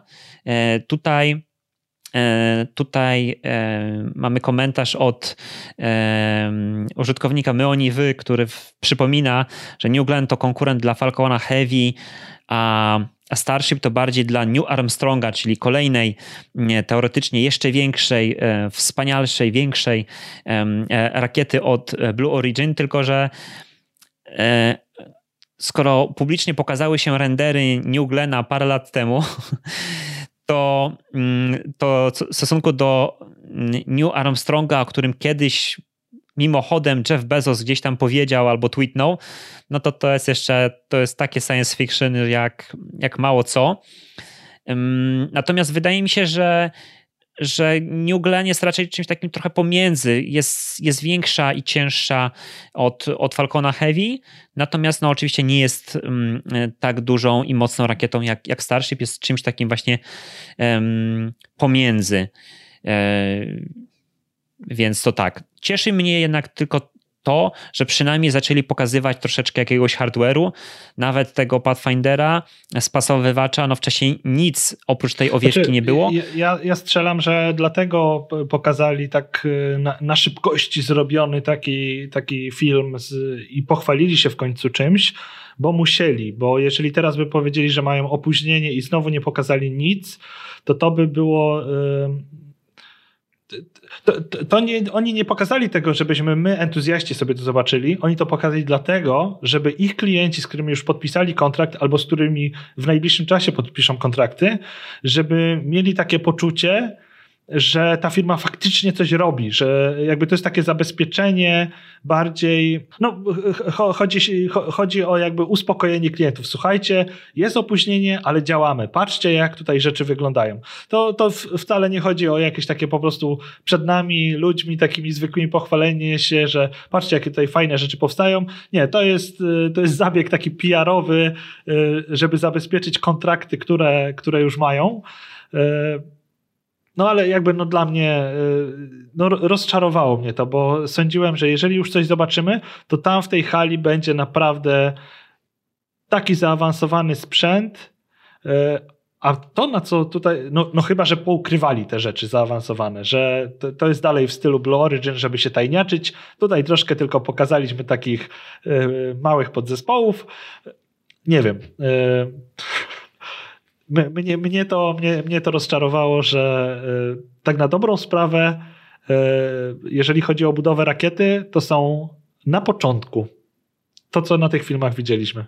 Ja myślę jeszcze, jed... Y, chciałbym dodać jeszcze jedną rzecz, że było, no, no bo tak, ich argument, ich argument jest taki, że właśnie tak jak mówiłeś, że nie dostali tego kontraktu od wojska amerykańskiego, e, no to jest opóźnienie, nie? Ale chciałbym przypomnieć, że w tym, w tym kontrakcie, e, znaczy w tym, no tak, jakby w tej całej procedurze przetargowej, o, tak, tak to nazwijmy, brały udział jeszcze e, takie firmy jak właśnie Northrop Grumman i proponował taką rakietę Omega A, czy tam Omega na paliwo stałe i, i to nie powstanie to po prostu nie powstanie, dlatego że nie wygrali tego kontraktu, nie? Więc to jest też, pokazuje obraz tej branży, która, y, no takie przemysłowe molochy, które po prostu, dobra, jak rząd zapłaci, no to my to zbudujemy nie zapłaci, nie ma rakiety i, i tyle. Więc tutaj, no okej, okay, możemy troszeczkę mm, się mm, smucić albo troszeczkę e, wyzłośliwiać na, e, na Bezosa, e, dlaczego on tak robi, no ale jednak będzie kontynuował budowę tej, tej, tej rakiety. Natomiast właśnie ci giganci nie, no po prostu nie, nie włożymy to w, to w to swoich pieniędzy, bo, bo ich pewnie nie mamy no nie wiem, ja bym się chciał bardzo mylić, y, y, żeby to, co tutaj powiedziałem, wszystko, że, żeby to była totalna nieprawda y, i że, że źle oceniam jakby działania Blue Origin, bo chciałbym zobaczyć te, te rakiety. To jest naprawdę kolos, który na niską orbitę okołoziemską ma chyba 40 ton wynosić, więc to jest jakby bardzo ciężka rakieta pośród ciężkich rakiet. Mhm. Be, be, tak, nie, no. nie, będzie, nie będzie lądował na barce, tylko na statku, tak? Po prostu tak, statku od razu z, z, dźwigiem, który będzie go kładł, bo inaczej to po prostu przecież nie, nie dopłynąłby do portu, więc to jest no, bardzo ciekawy, e, bardzo ciekawy projekt. No i właśnie szkoda, że osoba, oni tam się chwalili, tak, że chyba zainwestowano 2,5 miliarda dolarów, właśnie stworzono platformy i tą infrastrukturę i, i wiele miejsc pracy, no ale rakieta nadal jest na poziomie spasowywacza, przynajmniej oficjalnie, no nie wiemy tego, więc zobaczymy. No nic, właśnie, zobaczymy. Mamy du dużo czasu, żeby czekać na to zobaczenie. Dobra, yy, koniec Blue Origin. Tak jest. I idziemy dalej. No i teraz chcielibyśmy po, po, to chwilkę porozmawiać o tym, co trochę wisiało w powietrzu. Trochę wisiało w powietrzu, mm, mianowicie mm, Europejska Agencja Kosmiczna e, ogłosiła, że 31 marca 2021 roku otwiera zgłoszenia e, na, do wyboru nowych europejskich astronautów. I to jest mega news. Myślę, że gdyby nie Perseverance, to mógłby być największy news tego miesiąca. bo no nie dość, że jakby kosmos, to, to też dotyka bezpośrednio nas, bo E, przy poprzedniej selekcji w 2000 ona się rozpoczęła w 2008, skończyła w 2009. No Polska i Polacy nie mogli brać udziału, bo wstąpiliśmy do Europejskiej Agencji Kosmicznej dopiero w 2012, ale teraz w tej będziemy mieć e, możliwość e, wzięcia udziału, więc to jest uważam naprawdę duży news, który jeszcze chyba się tak nie rozszedł medialnie, mm, ale myślę, że, że jeszcze troszeczkę o tym usłyszymy. Co ty o tym sądzisz, Kuba? E, no ja się mega jaram. Nie, nie, wie, nie, wiem, na ile cały proces jakby tej rekrutacji będzie jawny. Ja bym chciał, żeby był jak najbardziej, e, bo e, chyba w 2000, ponad, ponad rok, ponad rok będzie ta wstępna selekcja, więc chyba w październiku 2022 będą wybrane osoby, które Chyba nawet. Y, Nie, to więc. Więc e, aplikacja zostanie, ten formularz zgłoszeniowy zostanie otwarty 31 marca, mhm. więc za, na następnym e, live, na następnym, następnym podcaście e, sobie pewnie go przejrzymy i, i, i porozmawiamy o tym. I będzie otwarty do 28 maja 2021 Natomiast e, no, później będzie tam sześć etapów tej selekcji i planują ogłosić astronautów w październiku 2022, tak? czyli ponad rok. Mhm, ponad, ponad rok. I faj, fajnie by było, znaczy nie wiem jak dla tych kandydatów, ale z, z, mojego punktu widzenia, czyli entuzjasty kosmosu, y, ja, ja bym ch chciał wiedzieć, jak to wszystko tam y, idzie, y, bo mam mega nadzieję, że sporo Polaków będzie tam aplikować i, i chciałbym od czasu do czasu gdzieś tam słyszeć o, o jakichś takich postępach, no bo fajnie by było, gdyby jakaś Polka, jakiś Polak dostali się E, no, do korpusu e, astronautów ESA. E, na pewno wielki wpływ na to będą miały jakieś kwestie finansowe, Znaczy, ja tutaj w tej sprawie już się kontaktowałem z moimi źródłami w Centrum Szkolenia Astronautów i no, postaram się przygotować jakiś materiał na ten temat, natomiast to nie jest też takie proste, bo tam trzeba zgody, to muszę być oficjalnie, różne rzeczy, mm, żeby można to było publikować. Natomiast nieoficjalnie rozmawiałem i szansa, e, znaczy tak, na pewno zostaną wybrane osoby z tych krajów, które najwięcej pieniędzy przeznaczają na, na program załogowych lotów. To tutaj nie ma żadnej wątpliwości, tak? Czyli będzie ktoś na pewno z Włoch, na pewno będzie ktoś z Francji e, i na pewno moim zdaniem będzie jeszcze ktoś z Niemiec. E, ale najprawdopodobniej wybiorą, znaczy nie ma tutaj celu dokładnie jakiejś liczby. Jak będzie więcej dobrych kandydatów, to wezmą więcej. Jak nie będzie takich świetnych, wezmą mniej, ale też pewnie tak jak um, ostatnio sześć osób zostanie wybranych, ale gdyby się znalazły jeszcze dwie, trzy, to też mogą wybrać. Tym bardziej, że no, w następnych latach um, zapowiada się dużo ciekawych misji załogowych. Mamy w końcu pojazdy niezależne od, od Rosjan, którymi możemy latać e, na stację kosmiczną i dodatkowo jeszcze no, w latach 30. zapowiada zapowiada się, e, no bo ci, którzy zostaną teraz wybrani, no to raczej w tej dekadzie, zanim pewnie nie polecą jeszcze na Księżyc. Nawet jeśli mm, program Artemis rzeczywiście doprowadzi do, do, do lądowania astronautów na, mm, na Księżycu, no to kandydaci z tej klasy no jeszcze tak szybko nie polecą. Natomiast w latach 30. jak najbardziej mogą. Więc to myślę, że tutaj raz, że, że naprawdę Polacy mogą i dwa, to nie tylko, że co i tak byłoby super, e, lot na ISS czy w ogóle na orbitę, ale że kandydaci naprawdę z tej klasy mają szansę na lot na Księżyc, to jest już w ogóle hmm, e, absolutne wow. Hmm, aha, i z tego, co się jeszcze dowiedziałem, to jest tak, że no, no teraz w, w, całej takiej naszej, powiedzmy, kulturze ogólnoświatowej, a przynajmniej w, za, w zachodnich, na tak zwanym zachodzie, jest parcie na różnorodność, e, więc w kontekście astronautów oznacza to najprawdopodobniej będzie wybranych więcej kobiet, bo w tym w poprzedniej klasie w 2009 no to było sześciu astronautów i jedna astronautka, e, Samantha Cristoforetti, pilot wojskowy. Mm, I druga rzecz, najprawdopodobniej będzie właśnie mniej pilotów, bo teraz jakby od początku istnienia astronautów, zwykle to byli na początku wybierani po prostu z, z grona pilotów i to jeszcze pilotów doświadczalnych. E, natomiast teraz no, zadania e, są inne, więc ja bym się spodziewał, że będzie więcej naukowców i inżynierów. I to też jest uważam e, bardzo ciekawe. No i też kobiety mają tutaj ogromne, e, ogromne szanse. Więc... Znaczy tutaj to jest wprost powiedziane na stronie NASA, że stawiają na dziewczyny, NASA? więc e, nie, tutaj na stronie ESA, że ESA. Tak, tak, tak, że, że będą stawiać na dziewczyny, więc dziewczyny, jak nas słuchajcie, aplikujcie. E, bo jakby tutaj wam sprzyja ta rekrutacja. Tak, zdecydowanie tak.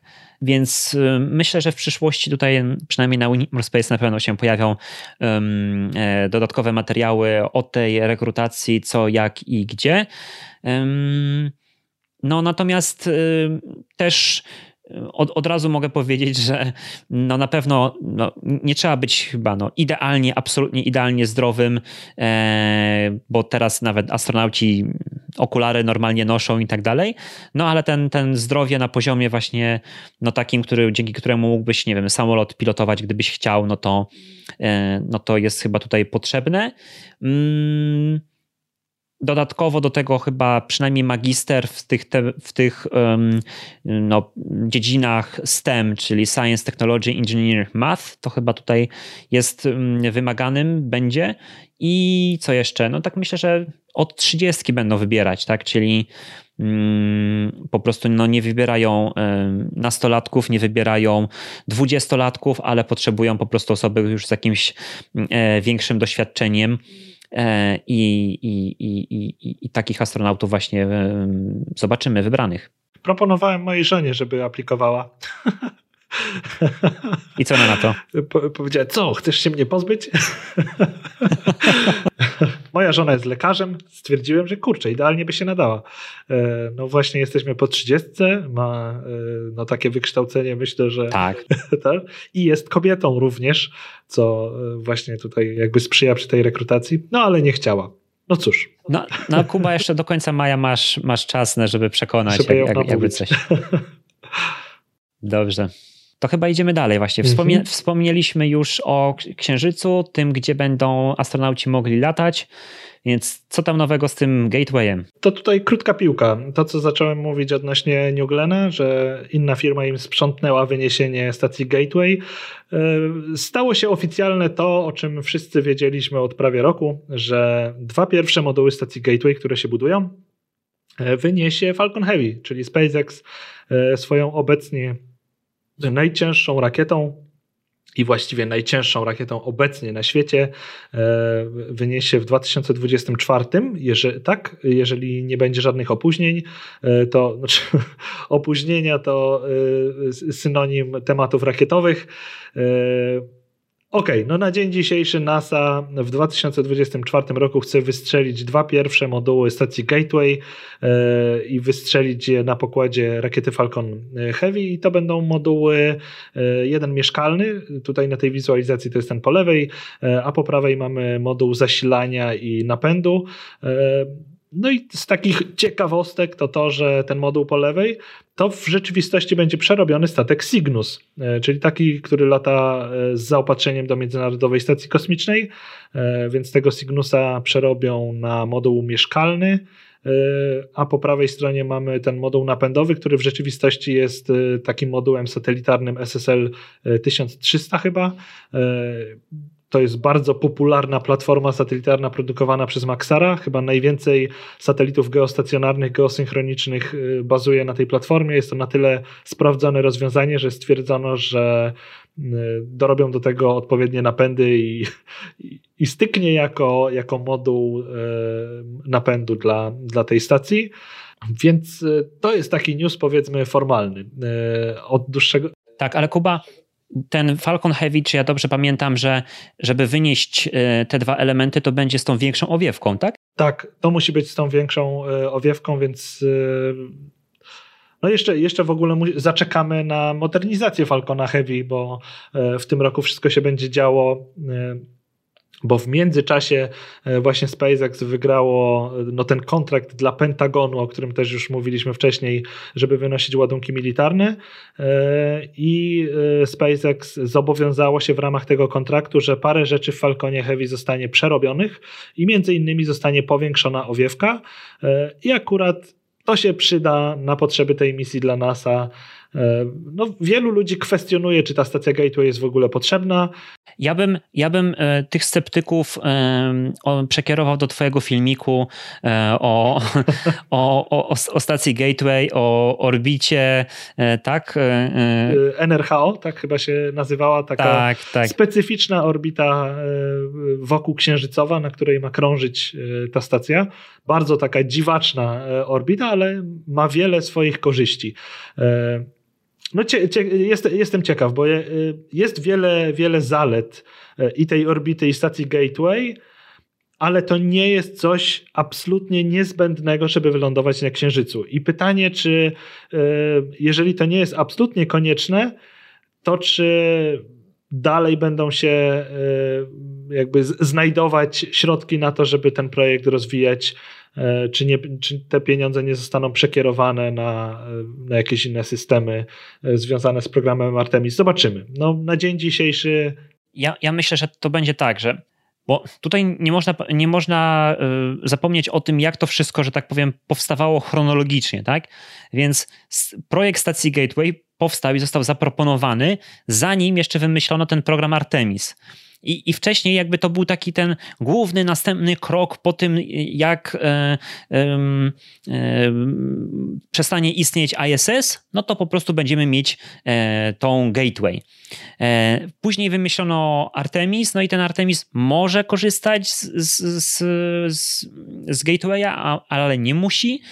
No i teraz może być tak, że rzeczywiście w ramach oszczędności zostanie to zaorane, ale no tutaj to po prostu rzeczy do zaorania albo potencjalnie do wycięcia jest bardzo dużo, poczynając od naszej ulubionej rakiety e, Senat Launch System, więc tak naprawdę to ja bym będąc tak troszeczkę może e, złośliwym i delikatnie takim jak to powiedzieć, nie wiem, malcontentem, to bym powiedział, że przez to, że, że tam amerykański przemysł kosmiczny po prostu ostrzy sobie kontrakty na, e, na te moduły dla, dla Gateway, to przez to nie, nie zostanie to wycięte, bo, bo oni tak zalobują, żeby tego nie wycinać. Mm, natomiast naprawdę przed e, obejrzeniem tego twojego filmiku pamiętam, że byłem bardzo sceptyczny co do tej stacji.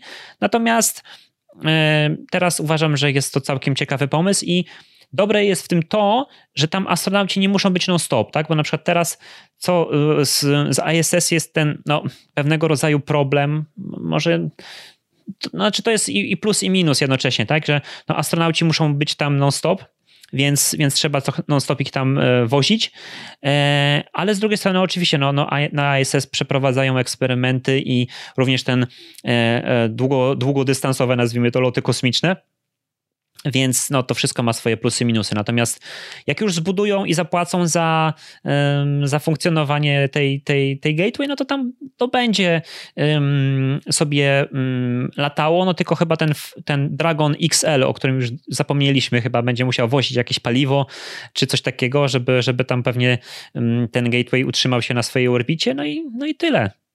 Jeszcze, jeszcze, jeszcze odnośnie właśnie ten, bo poruszyłeś e, ciekawe kwestie w Gateway, chociaż jeszcze nie istnieje i e, no, dopiero pierwsze, pierwsze dwa moduły gdzieś tam się w Stanach budują, e, to już chyba Japończycy i Włosi, nie wiem czy finansowo się w to dość mocno nie zaangażowali, gdzieś w swoich e, budżetach sporo pieniędzy na to, jakby na współpracę z NASA e, przy stacji Gateway nie przewidzieli.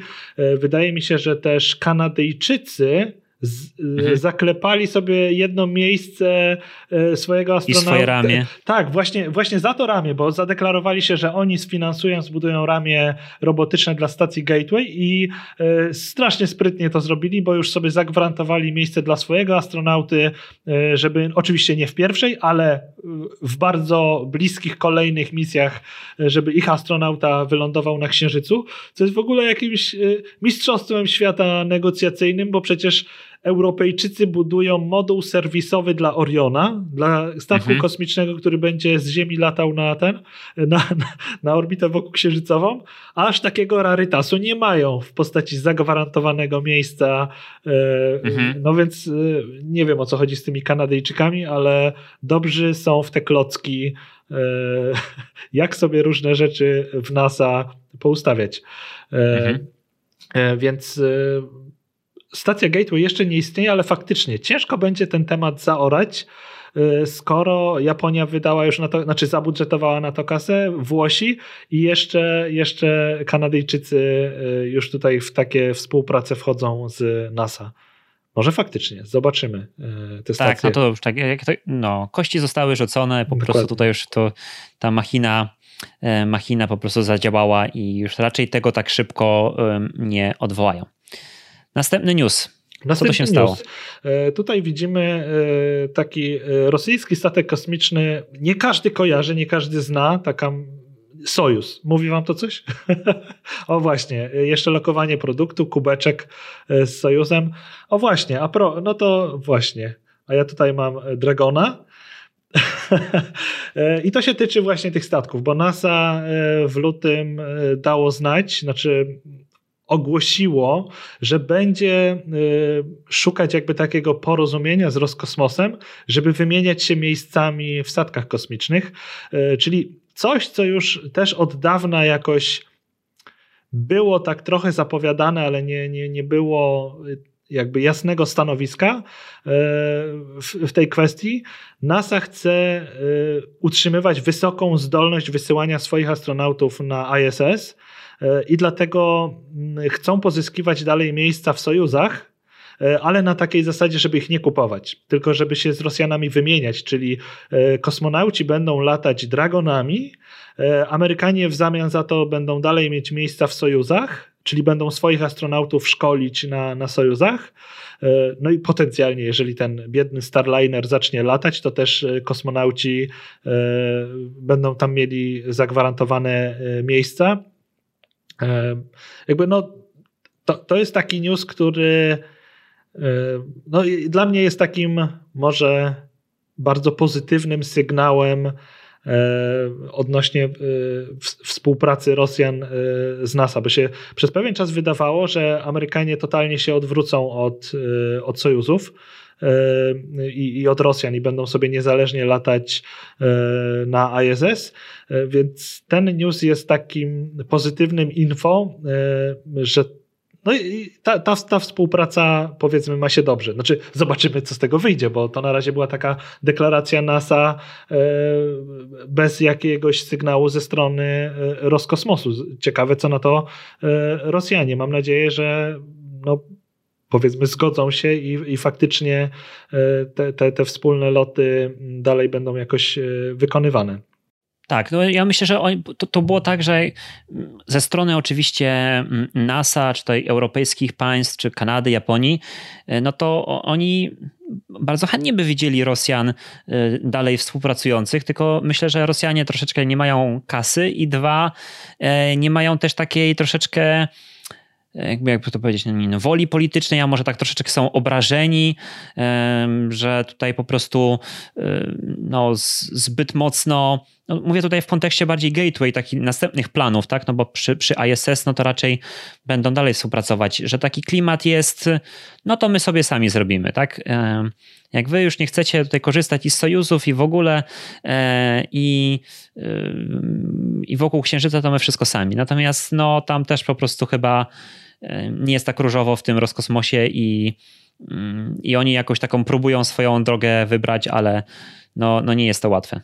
E, no Rogozin, czyli szef Roskosmosu, ma poglądy takie, jakie ma, ma bardzo takie e, narodowe i e, jak coś nie jest bardzo prorosyjskie, to nie, nie będzie się w to angażował. No i jakiś czas temu zapowiedział, że stacja Gateway jest za bardzo amerykańska i wprost. Nie, Rosja nie, nie będzie szukać tutaj współpracy E, i nie będzie się w ten projekt angażować. Szkoda, szkoda, bo widać właśnie po rosyjskich programach, że e, teraz w pojedynkę jest im ciężko. Jakby bez, bez, bez współpracy, bez wspólnych e, projektów, sami, nie wiem, czy finansowo, no czy no pewnie finansowo nie, nie będą w stanie bardzo zaawansowanych rzeczy robić. No, no i szkoda. No, Wydaje mi się, że gdzieś, gdzieś mi na Twitterze migały takie newsy, że próbują szukać współpracy z, z Chińczykami, że może z Chińczykami będą wspólnie budować różne rzeczy. Pytanie, na ile Chińczycy potrzebują ich pomocy? Czy to nie będzie tak, żeby jeszcze e, wyfarmić e, Rosję na jakiś know-how, e, a potem i tak zrobić po swojemu? Bo Chiny nie wydają się teraz e, krajem, który potrzebowałby jakiegokolwiek wsparcia. E, wbrew pozorom to taka izolacja, e, którą im zafundował, zafundowało USA, czyli że Chiny dostały bana na wspólne projekty NASA z, z chińską agencją kosmiczną. Chińczykom wyszła na dobre, bo byli skazani jakby na pracę sami ze sobą i dlatego teraz są praktycznie samowystarczalni. Znaczy praktycznie, no. Wszystkie projekty robią sami będą teraz wysyłać swoją stację kosmiczną, e, misję marsjańską bardzo zaawansowaną mają zupełnie swoją, e, więc e, nie, nie wiem, czy współpraca z, z Rosjanami jakby tutaj wchodzi w grę, czy jest im do czegoś potrzebna. No ale to idąc tym tropem, idąc tym tropem można by powiedzieć, że jak, że jak Rosjanie zostaną osamotnieni sami, to w końcu będą musieli coś zrobić, tak? Wymienić może, te antyczne może, sojuzy może. I, i coś same, sami wykombinować, bo tak to teraz jeszcze tak mogą się no, robić dobrą minę do złej gry, ale no... Znaczy, ale z, z czasem mogą, mogą zostać e, zupełnie w tyle, bo e, w tym momencie są trochę takie fochy na zasadzie właśnie, że e, no NASA ma już te, te, tego swojego Dragona i nie chcą u nas kupować miejsc, albo yy, że no nie wiem, fi, fi, jak klienci się odwracają, nie chcą wysyłać swoich ładunków sojuzami, ale to nie polega na tym, że ktoś nie chce, tylko e, no tutaj działa konkurencyjność. Na, na Falconie jest coś taniej wy, wysłać niż, niż więc, e, więc się wysyła Falconem.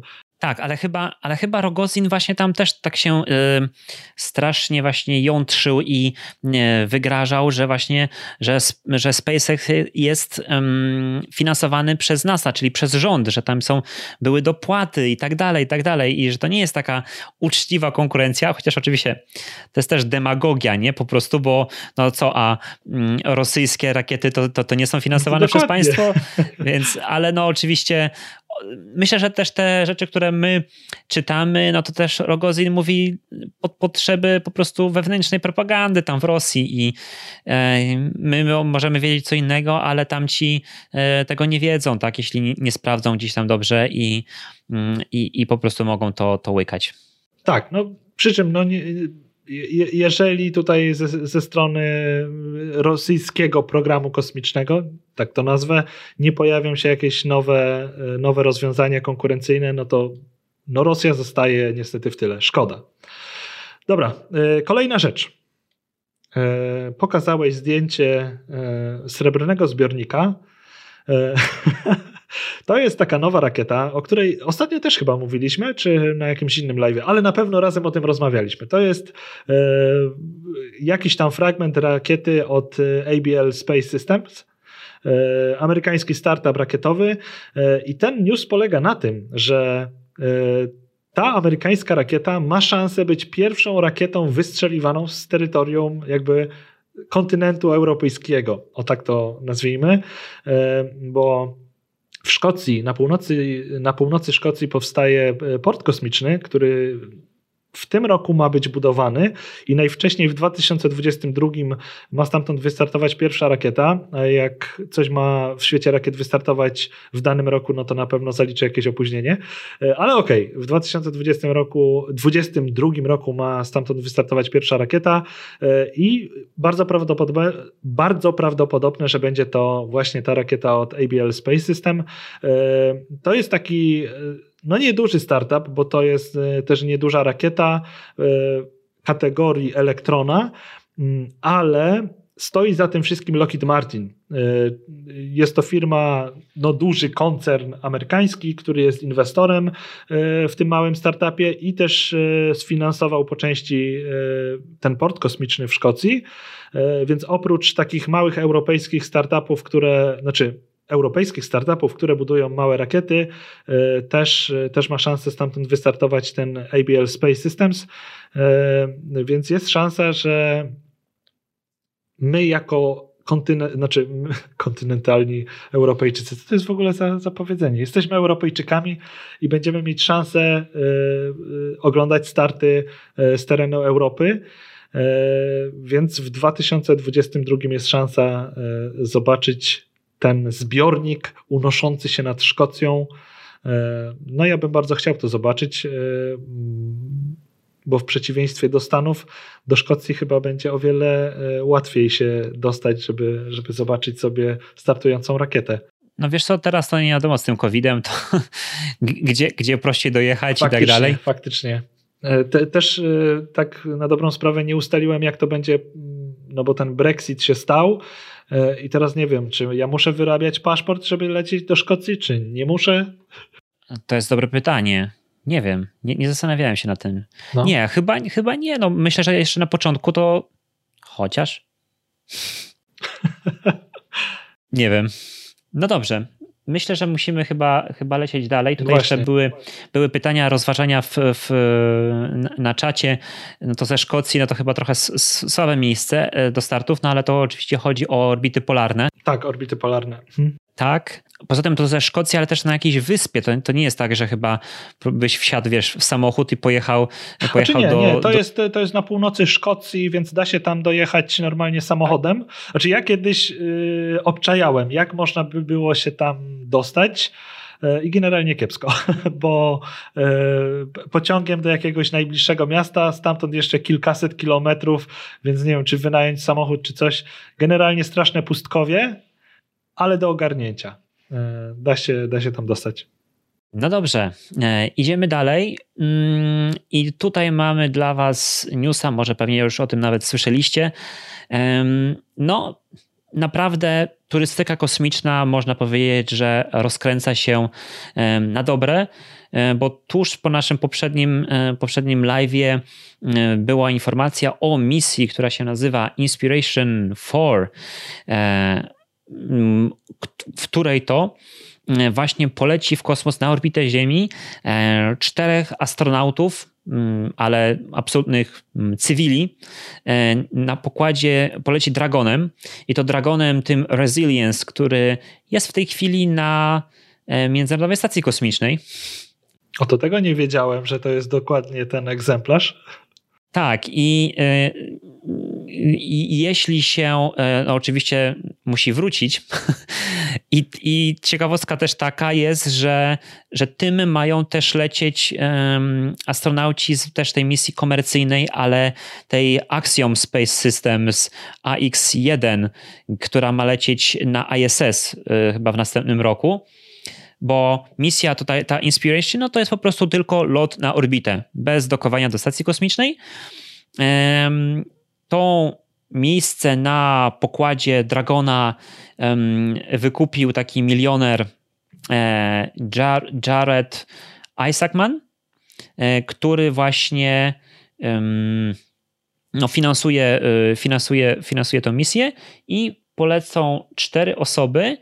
I co, co chyba tutaj sprawiło największą taką no było największym newsem, że teoretycznie to takie właśnie no, zwykłe osoby jak ja i ty mogą polecieć, pod warunkiem oczywiście, że są Amerykanami. No ale no nadal to są, to, to mogą być osoby zupełnie, jak nazwijmy to, zwyczajne. Mm, więc tak, to jest po, po, pierwsze, tak, tutaj ten e, pokazuje teraz właśnie slajd z, e, z tym właśnie panem milionerem, który zarobił właśnie pieniądze na e, jakichś płatnościach internetowych i właśnie z tego finansuje, finansuje tę misję. On poleci, no ale żadnego innego astronauty, nawet jakiegoś weterana astronauty na, na pokładzie nie będzie. I jeszcze będzie trójka innych osób. I jak na razie ogłoszono jedną, znaczy pierwszą no, drugą osobę z tej misji, mm, czyli e, taką młodą e, dziewczynę Hayley, e, która mm, która pracuje właśnie w, w szpitalu St. Jude, bo jakby cała ta misja ma też na celu zbieranie pieniędzy na ten szpital. Więc to jest taka troszeczkę też misja właśnie charytatywna.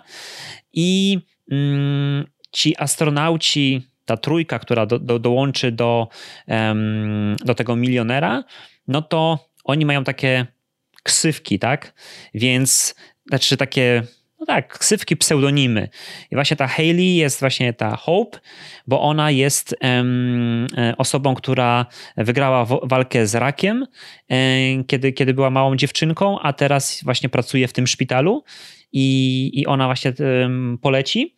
Natomiast jeszcze będą e, dwie osoby wybrane o ksywkach Generosity, więc to jest ktoś, kto e, najprawdopodobniej no, przysłuży się najbardziej, najwięcej e, jakąś akcją zbierania pieniędzy na ten szpital.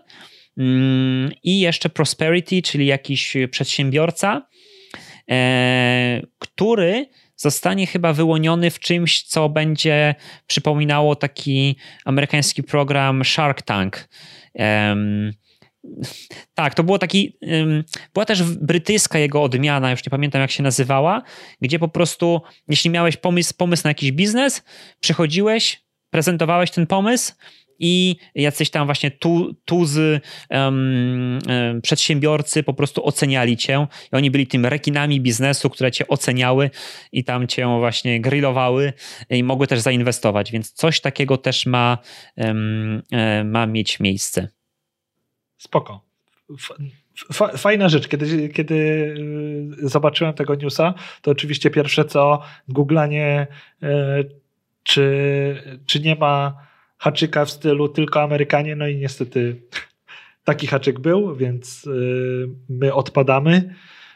ale mimo wszystko bardzo, bardzo fajna rzecz, że nie będzie tutaj faktycznie żadnego weterana lotów kosmicznych, żadnego takiego zawodowego astronauty, tak, tutaj e, e, nieoceniony Meoniwy pod, e, podpowiada nam, że właśnie w Wielkiej Brytanii to się nazywało Dragon's Den. E, tak, więc był taki program.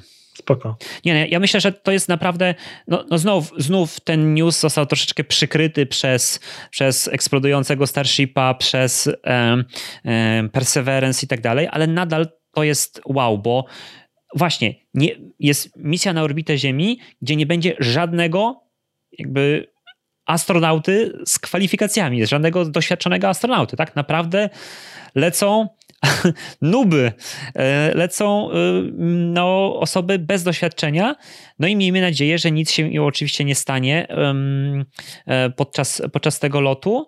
No i to naprawdę, no, bardzo też mi podoba się jakby idea tej misji i, i, i nazwa Inspiration, bo rzeczywiście no, przynajmniej osoby w, w, w USA mogą mogą liczyć na, na to, że no, ktoś tam może z nich zostać wybrany.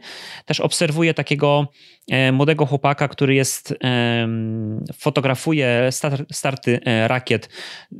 John Kraus, jeśli to dobrze wymawiam jego nazwisko. Właśnie chciałem powiedzieć. I, I on właśnie już tam właśnie te swoje zdjęcia, printy właśnie przekazywał i sprzedawał właśnie w celach charytatywnych na, na, na cele tego szpitala. Więc, więc no, to pobudza naprawdę wyobraźnię i inspiruje. A że tak e, zejdę brutalnie na ziemię, mega wow, że jeden ziomek kupuje start całej rakiety z, z tym załogowym Dragonem, bo to przecież ten gość, ten Jared Isaacman e, finansuje to wszystko. To nie jest tak, że to jest czterech niezależnych turystów, każdy płaci jakby za siebie, tylko jeden gość ze swojej kieszeni E, jakby prywatnie kupuje start rakiety. Masakra. Tak, no bo no zobacz, ta, ta poprzed... mówiliśmy o tej misji chyba e, w poprzednim live'ie, że właśnie ta, ta misja Axiom, czy tam Axiom 1, tak, mhm, czyli mhm. AX1, no to jest taka coś, czego byś się tak typowo no, po prostu spodziewał. Tak? tak? Jest czterech milionerów, wyskakują z kasy, e, płacą i lecą na ISS. Może Tom Cruise nie dołączy, a może nie.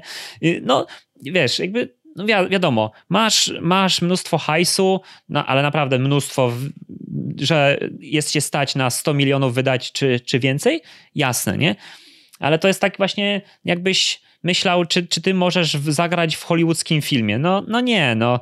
Y, jest bardzo, bardzo na to mała szansa, nie? Natomiast tu lecą naprawdę amatorzy i zwykli ludzie. E, no i oczywiście Dragonem, no, no, no super. Wszystko, wszystko jest naprawdę bardzo, bardzo fajnie to wygląda. No i najwcześniej mogą polecieć e, tam pod koniec 2021, ale no jeśli mają rzeczywiście lecieć tym Resilience, no to on musi najpierw wrócić. E, musi wrócić i musi być wszystko ok, muszą go przejrzeć. E, więc ja myślę, że to, to jednak pewnie, znając życie, dzisiaj tutaj narzekamy na opóźnienia, no to pewnie będzie to początek następnego roku. No ciekawe, znaczy ja, ja, też słyszałem jakiegoś takiego newsa, że któryś załogowy Dragon e, po powrocie zostanie przerobiony na cargo i tak jakoś myślałem, że to ten. Znaczy, wydaje mi się, że to było tak, bo ja też o tym mówiłem, ale zanim oni zaczęli latać te dragony y, załogowe, to wtedy był plan, a nie, no to jednak dmuchamy na zimne e, i, i po prostu y, będziemy przerabiać na załogowe, y, na, na, na cargo. Natomiast teraz wydaje mi się, że, że oni sprawdzili, że one są na tyle dobre, że po prostu mogą dłużej nimi latać. Znaczy po prostu no, mogą, nadal nie będą się bali po, po wsadzić tam załogi na drugi czy trzeci lot. No dobrze, idziemy dalej. Co my tu mamy? Co to jest? Co to jest? No jakieś e, farfocle na orbicie. no, misja Farfocel 1. Farfocel. tak, misja Farfocel 1. PWSAT 2 zdeorbitował się i ty mów, ty będziesz z nimi o tym rozmawiał, bo chyba ma być specjalny live poświęcony PWSAT-owi 2, który będzie na We Need More Space, prawda? Tak, to znaczy dokładnie tydzień temu stracono kontakt z PWSAT-em dwójką, no i to był taki bardzo, znaczy raz, no nie, przez właściwie dwa lata była komunikacja radiowa z, z, z, satelitą, jakby cały czas się wszystko działo i e, byli, byli w stanie się łączyć. Teraz przestali e, od, odbierać sygnał. I dwa, e, NORAD, czyli ten amerykański e, jakiś właśnie mm, radary wojskowe, które po prostu skanują, skanują niebo, też właśnie straciły z, PWSATA z, ze swoich radarów dosłownie no więc to jest, to jest po prostu znacznikiem tego, że, e, że PWSAT mm, zakończył swoją misję, no i jego misją było ten, ten tutaj właśnie e, e, farfocel na, na, na tej grafice, pięknej grafice, czyli żagiel deorbitacyjny po prostu mm, spełnił swoje zadanie, bo gdyby nie to, to tak jeszcze chyba przez 10 lat ponad ten, ten satelita byłby na orbicie, a po dwóch latach latach zdeorbitował. No więc tutaj jakby jest no spełnił swoje zadanie, żagiel deorbitacyjny. No i e, zamierzamy po prostu w tym tygodniu przeprowadzić stypę, e, czyli właśnie pożegnać, e, pożegnać PWSATA, porozmawiać na jego temat i też zapraszamy Was do udziału w, w tej stypie, takiej stypie trochę na wesoło, trochę mm, z, postaramy się dużo jakichś technicznych smaczków wyciągnąć, zaangażować więcej osób z tego zespołu PWSATA, mm, bo zwykle to rozmawiamy, no jest czas na to, żeby po prostu prześlizgnąć się po tym temacie. Mm, tak jak dzisiaj, teraz będziemy tutaj no, mówić, no ile tam, no 5 minut, e, bo, bo inne tematy gonią. Natomiast najprawdopodobniej w czwartek będzie tutaj właśnie live e, i będziemy mieć półtorej godziny, dwie godziny. Mm, chętnie odpowiemy na wszystkie Wasze pytania. Bardzo dokładnie będziemy mogli odpowiedzieć. E, będziemy mieć e, właśnie osoby, które naprawdę no, tymi ręcyma e, po prostu składały, konstruowały, dopieszczały, a później też przez dwa lata po prostu komunikowały się z tym satelitą, więc tutaj jeśli mm, chcecie się dowiedzieć, jak działa jakby taka misja kosmiczna tak naprawdę od praktyków, nie, nie osób takich jak ja czy Kuba, którzy tam po prostu tylko czytamy o tym, oglądamy albo nagrywamy wideo, tylko naprawdę od osób, które tu w Polsce, młodych osób, bo to kiedy oni to robili, byli studentami, naprawdę swoimi rękami zrobili coś, co poleciało w kosmos, przetestowało bardzo ciekawy, ciekawy koncept, sami to wymyślili, znaleźli jeszcze pieniądze na to, żeby to, to wynieść na, e, w kosmos, no to tutaj naprawdę od, no możecie zapytać ich o wszystko, wszystko, wszystko i, um, i to są specjaliści, którzy wam na ten temat e, opowiedzą. Więc um, do usłyszenia, do zobaczenia. E, a jeśli słuchacie tego no, kiedyś później, no to na pewno na, e, na kanale Win More Space e, będzie ten, ten live gdzieś po prostu zaarchiwizowany i, i można go będzie wyszukać. Dokładnie, tak. Może też jeszcze zaprosimy kogoś z PWSATA trójki, bo tutaj oczywiście pytają, padają pytania, a co z trójką? No, nad, nad trójką już są oczywiście dosyć zaawansowane prace. E, prowadzone, więc też będziemy e, troszeczkę pewnie rozmawiać o, e, o trójce jak najbardziej. No i zapraszam wszystkich, którzy marzą o tym, żeby kiedyś na przykład coś swojego, coś swojego w kosmos wysłać, żeby nie tylko marzyć i oglądać, co tam Elon mm, e, robi, mm, ale też, no, będąc nawet studentem w Polsce, e, można, e, można tego kosmosu dotknąć dosłownie i coś tam swojego wysłać i przyczynić się do eksploracji kosmosu, więc myślę, że to jest mega, mega fajna sprawa. Idziemy dalej. I teraz coś, czego absolutnie się nie spodziewaliśmy, e, coś, czego, co wydawało się absolutnie niemożliwe, coś, przez, przez co jeden pan musiał zjeść kapelusz, e, czapkę. I tą rzeczą jest. O rany nie pamiętam nazwy. Co to jest? Neutron. Neutron, dokładnie, przecież jest napisane. Rocket Lab zrobił znowu znaczy, bo, coś, znaczy to, co powiedzieli, że nie znaczy zrobił. musimy chyba, przepraszam, jeszcze tak na chwilkę przerwać i powiedzieć, to jest news z dzisiaj, tak? Z 1 marca. My teoretycznie nagrywamy tą całą, cały live o lutym, no ale nie możemy tutaj po prostu no chyba nie, to, to wyciąć wolno. kawałka mózgu i, i, i powiedzieć, nie, nie, to się nie wydarzyło i porozmawiamy o tym y, y, za miesiąc. Natomiast no absolutnie wow, nikt się tego nie spodziewał, nawet hiszpańska inkwizycja. E, dziś jest news po prostu absolutnie e, świeżutki. No, jakby w ogóle nie było od tej firmy sygnałów. Kompletnie, że coś takiego, przynajmniej ja na takie nie trafiłem, e, żeby planowali budować tak zwaną dużą rakietę. E, Rocket Lab operuje swoim elektronem, którego cały czas jakoś tam rozwijają, dopieszczają i nagle wyskakują z newsem, że będą budować e, dużą rakietę. O, spoko, porównanie. To jest na ich stronie, czy gdzieś to w necie znalazłeś? To jest to z materiałów prasowych gdzieś tam. Aha, spoko. Tak, tak, tak.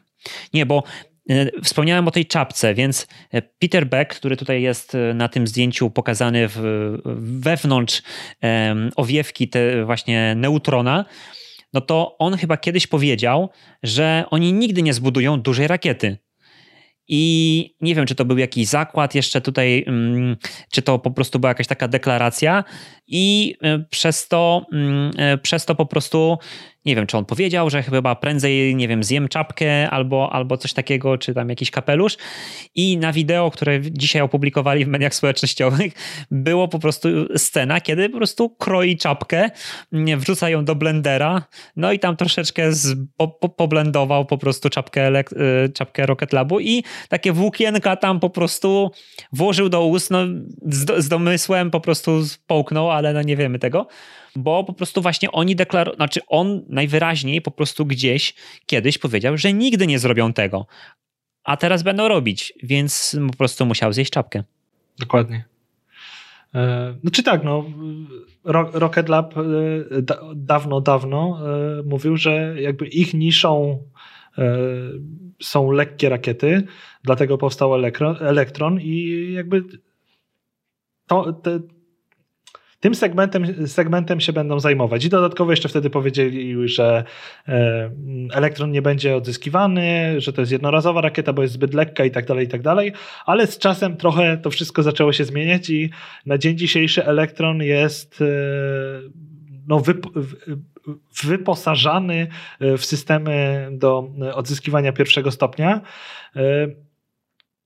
Ale to, że zbudują dużą rakietę, to absolutnie się e, jakby nie spodziewałem. Tutaj widzę, że w komentarzach piszecie, e, że dużo ludzi ich męczyło pytaniami o takie rzeczy, e, no ale jakby zawsze było zaprzeczane, że, że ta firma nie, nie zbuduje dużej rakiety, a jednak dzisiaj, dzisiaj to zapowiedziano. Przy czym ja też jakby jestem trochę ostrożny, znaczy jak, inaczej, nie, nie kwestionuję tego, że zbudują dużą rakietę, pewnie to zrobią, bo jak to zapowiedzieli, to to zrobią. Zresztą Rocket Lab yy, konsekwentnie realizuje te różne swoje rzeczy. Jak w końcu zapowiedzieli, że nad czymś pracują, to w końcu się to działo i, i te rzeczy budowali. Yy, więc yy, z czasem faktycznie ta duża rakieta powstanie, ale wydaje mi się, że na dzień dzisiejszy jakby jak, jakieś takie zaawansowanie techniczne tej rakiety, jakieś projekty to jest totalne zero. E, jakby e, z kilku rzeczy to wnioskuję. E, po pierwsze, dzisiaj też, czy, czy może z lekkim wyprzedzeniem, Rocket Lab zapowiedział, że wejdą na giełdę, czyli wchodząc na giełdę potrzeba takiego wabika, jakby pokazać takie perspektywy, że co my nie będziemy robić. No i dlatego to był dobry moment, żeby powiedzieć, że zbudują dużą rakietę. E, a druga rzecz, e, dlaczego to jest bardzo wczesny etap? No spójrzcie na przykład na tę owiewkę. To jest totalnie makieta. To jest e, jakby pra, prawdopodobnie to nawet nie jest jakaś kompozytowa skorupa, która kiedyś będzie owiewką. To jest zwykła makieta, która ma pokazać, pokazać skalę tego wszystkiego. I też sama wizualizacja tej ich rakiety Neutron to jest graficznie przerobiony elektron, e, a patrząc na nogi tej rakiety, czyli te czarne trójkąty, które są u dołu, ja jako grafik widzę w nich takie jakby graficzne, może nie błędy, co takie triki, które grafik robi, żeby sobie ułatwić życie. Więc tutaj to, to jest rakieta, która powstała tylko i wyłącznie w programie graficznym i to przez to, to jest takie e, lazy designing. E, po bandzie zrobiona wizualizacja, żeby tylko była. Więc faktycznie prawdopodobnie żaden koncept techniczny jeszcze nie powstał, a te parametry, które tutaj widzicie, to są, to, to są na pewno przemyślane rzeczy. Tutaj e, na pewno Rocket Lab e, ekipa przemyślała to, że potrzebują taki a taki udźwig, e, jakieś parametry w stylu może długość, to jest coś oszacowane Finalnie ten neutron y, prawdopodobnie nie będzie miał dokładnie 40 metrów, będzie się jakoś, y, jakoś różnił.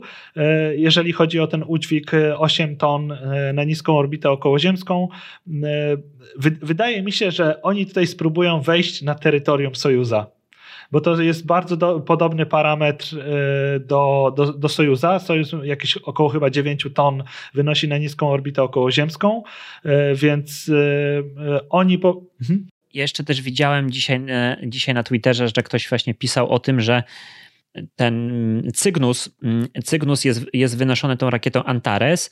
Ta rakieta zawiera tam dużo komponentów właśnie z Ukrainy i z Rosji i nie wiadomo, czy będą mogli ją używać, ale według tych informacji tutaj no, na dziś, e, dzisiaj dostępnych, no to ten Cygnus idealnie się pas, y, pasuje po prostu do tej rakiety, więc teoretycznie mogliby po prostu e, zastąpić e, właśnie Antaresa rakietę i Cygnusa właśnie tym neutronem, który nomen omen też będzie chyba startował właśnie tam z Wallops, więc, więc jest po prostu tutaj idealnie by, by, by pasowało to jest bardzo ciekawe spostrzeżenie, bo Lockheed Martin jest też jednym z inwestorów w Rocket Labie, e, więc kto wie, czy jakby tutaj nie ma takiego trochę błogosławieństwa, znaczy na pewno jest takie błogosławieństwo e, Lockheed Martina. W świecie, wiesz, korporacyjnym to się mówi synergia. A, synergia. E, więc kto wie, może to jest próba taka ostrożna, żeby, żeby gdzieś tam wejść w te projekty zaopatrzenia właśnie dla, dla ISS. E, zresztą wydaje mi się, że e, tutaj też Rocket Lab musi trochę walczyć, bo przecież nam e, SpaceX na przykład zrobił tę misję Rideshare, teraz zaczęli w tym roku, gdzie to oni weszli na terytorium Rocket Laba i wynoszenia lekkich ładunków i, i jakby wydawało mi się, że tutaj nie będzie konkurencji, a jednak duża firma weszła na terytorium małej firmy i może to być dla Rocket Laba zagrożenie, więc no, muszą działać. To jest też, też tak, że myślę, że właśnie Peter Beck kiedyś powiedział, mm, że, że nigdy nie zrobią, bo no bo też tego tak naprawdę się nie spodziewał, tak? Nie, nie, nie myślał o tym w ten sposób. I kiedyś się wydawało, że spokojnie jest akurat miejsce dla elektrona i takiej niedużej rakiety, ale z dedykowanym jakby czasem, slotem, e, jaką chcecie orbitę, my wam wystrzelimy, kiedy chcecie i tak dalej. Natomiast rynek się zmienia. Dzisiaj widziałem w artykule na Wall Street Journal, którym taki no jakby opisywał to bardziej o tej strony ekonomicznej, oczywiście, właśnie tam wejście na giełdę, jakieś tam właśnie wycena na poziomie 4 miliardów i jeszcze tam inwestycja 470 milionów dodatkowo dolarów dla tej nowej firmy bo ma być połączona, znaczy obecny Rocket Lab ma być połączony z jakąś firmą taką specjalną, która wchodzi na giełdę i to jest jakiś taki mechanizm e, finansowy, tutaj już mm, nie ma, nie ma sensu rozmawiać, e, rozmawiać o tym dłużej, jeśli chodzi o te rzeczy takie finansowo-techniczne, natomiast mm, oni wcześniej o tym absolutnie nie myśleli, ale teraz yy, jest nie dość, że właśnie są rideshare od SpaceX, to jeszcze yy, jest mnóstwo innych projektów, e, rakiet, e, takich małych albo niedużych. E, I ten artykuł w Wall Street Journal wylicza, że takich projektów na całym świecie jest 100. Więc, więc, więc po prostu konkurencja będzie bardzo duża, a ten ryneczek może się po prostu bardzo, bardzo kurczyć. I i w tych jeszcze dzisiejszych informacjach od Rocket Laba oni mówią, że to ma być rakieta do wynoszenia megakonstelacji. I szczerze mówiąc, to się zastanawiam, jaki jej feature ma być po prostu taki, który no, będzie właśnie dobry do tych mega, konstelacji, no oprócz tego, że musi być tania i, i latać często i tak dalej, tak? Nie wiem, bo nie wiem, czy są jakieś takie techniczne feature'y, które by temu pomogły, oprócz może, nie wiem, sprytnych e, zasobników i, i po prostu tych do, do, do ich właśnie e, wystrzeliwania.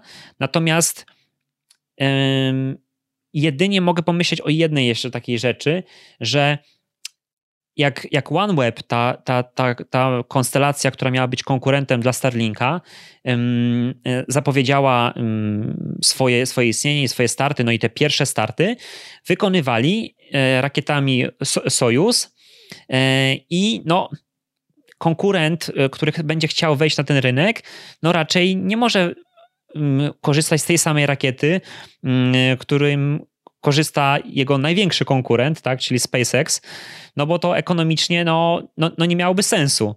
Więc myślę, że sukces Neutrona można też upatrywać w tym, że znajdzie się ktoś, znajdzie się ktoś, jacyś inwestorzy, którzy po sukcesie Starlinka będą chcieli e, po prostu się, e, no, będą chcieli e, też część tego tortu po prostu zgarnąć, zrobić drugą mega konstelację do internetu i będą potrzebowali taniej, dobrej rakiety, ale nie Falcona.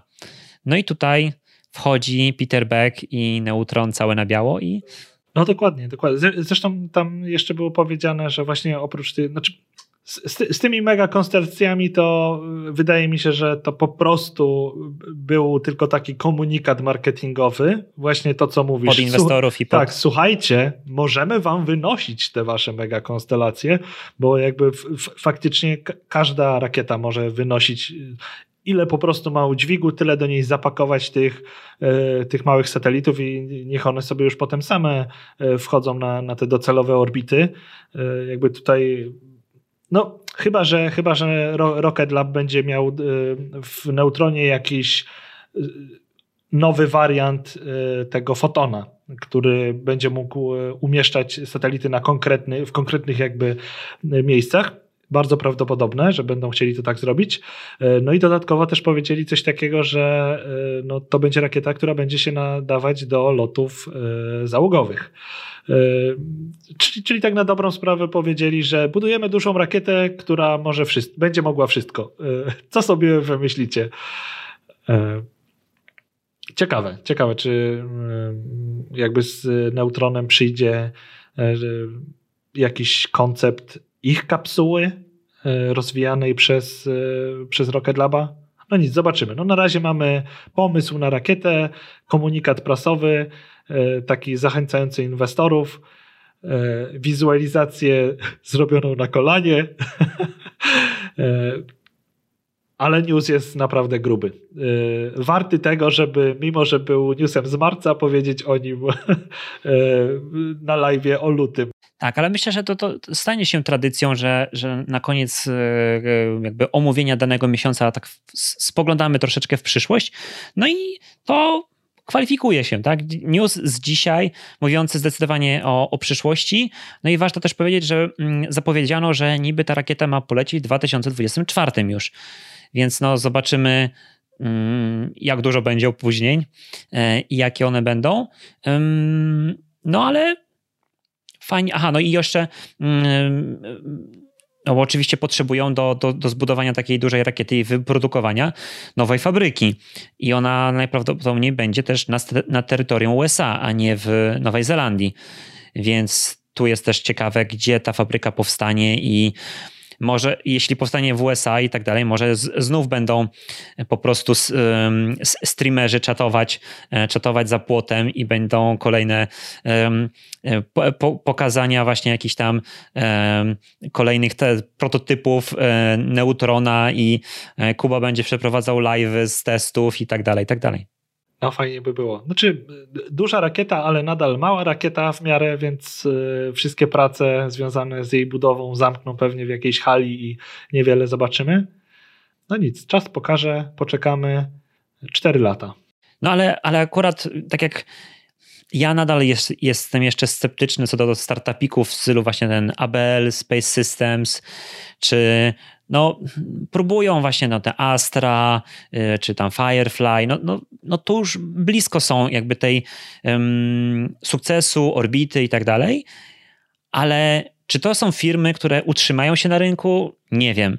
Natomiast um, Rocket Lab i Electron no, pokazali, że no, naprawdę potrafią zrobić i ekonomicznie ciekawą propozycję i jeszcze technicznie rakietę naładowaną nowymi rozwiązaniami, technologią, innowacjami, więc naprawdę tak jak no, Blue Origin troszeczkę tutaj był w tym miesiącu dostarczył smuteczku, no to tutaj jednak Rocket Lab wyciąga, wyciąga kciuk w górę i można mieć nadzieję, że no Mm, firma z taką, y, no już jak to się ładnie mówi po angielsku, track record, że mają z takim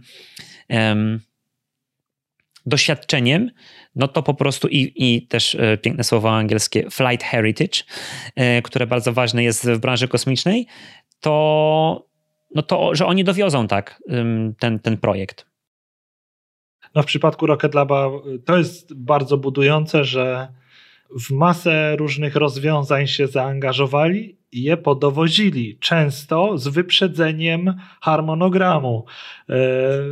E, więc z jednej strony możemy być spokojni o ten projekt, e, no ale z drugiej strony też po drodze jest to wchodzenie na giełdę i to nam pewnie zmieni trochę komunikację tej firmy, e, bo teraz na dobrą sprawę, jako że to była prywatna firma, dobra, miała inwestorów, choćby ten Lockheed Martin, e, ale to było tak, że tutaj jakby firma mogła sama się jakby o sobie decydować, co powiedział Peter Beck, tak było i ta komunikacja była taka na luzie i w ogóle, a jak wejdą na giełdę, to trochę te reguły się zmienią.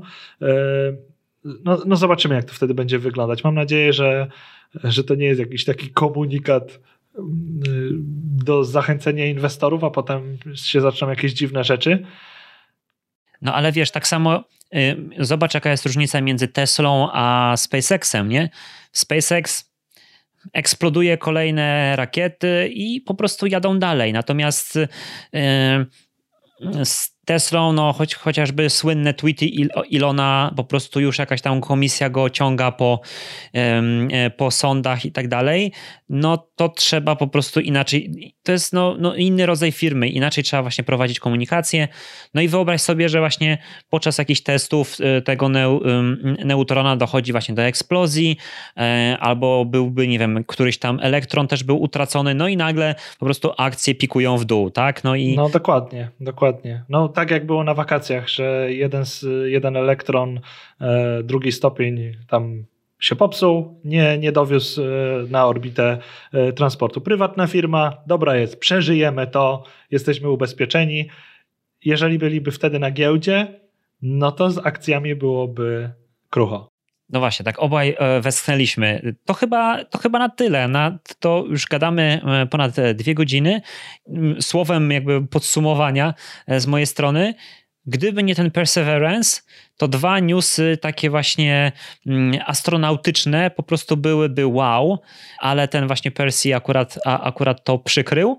Ale no, no naprawdę, no żyjemy mimo tych opóźnień u, u, u Jeffa, to no naprawdę żyjemy w bardzo fajnych czasach, że, że dzieje się, na serio dzieje się. E, wcześniej tak nie było. No słuchaj, mamy tyle, jest tyle tematów do przegadania, że ponad dwie godziny rozmawiamy, a i tak wszystkiego nie ogarnęliśmy. Czy, czy na przykład y, zapamiętałeś, że w lutym trzy razy startował Sojusz? No, ma, masakra. Ty, tyle rzeczy się pomija, bo jest taki nawał informacji. Trzy razy startował Sojusz. SpaceX zgubiło booster jeden, e, wpadł do oceanu, nie ten.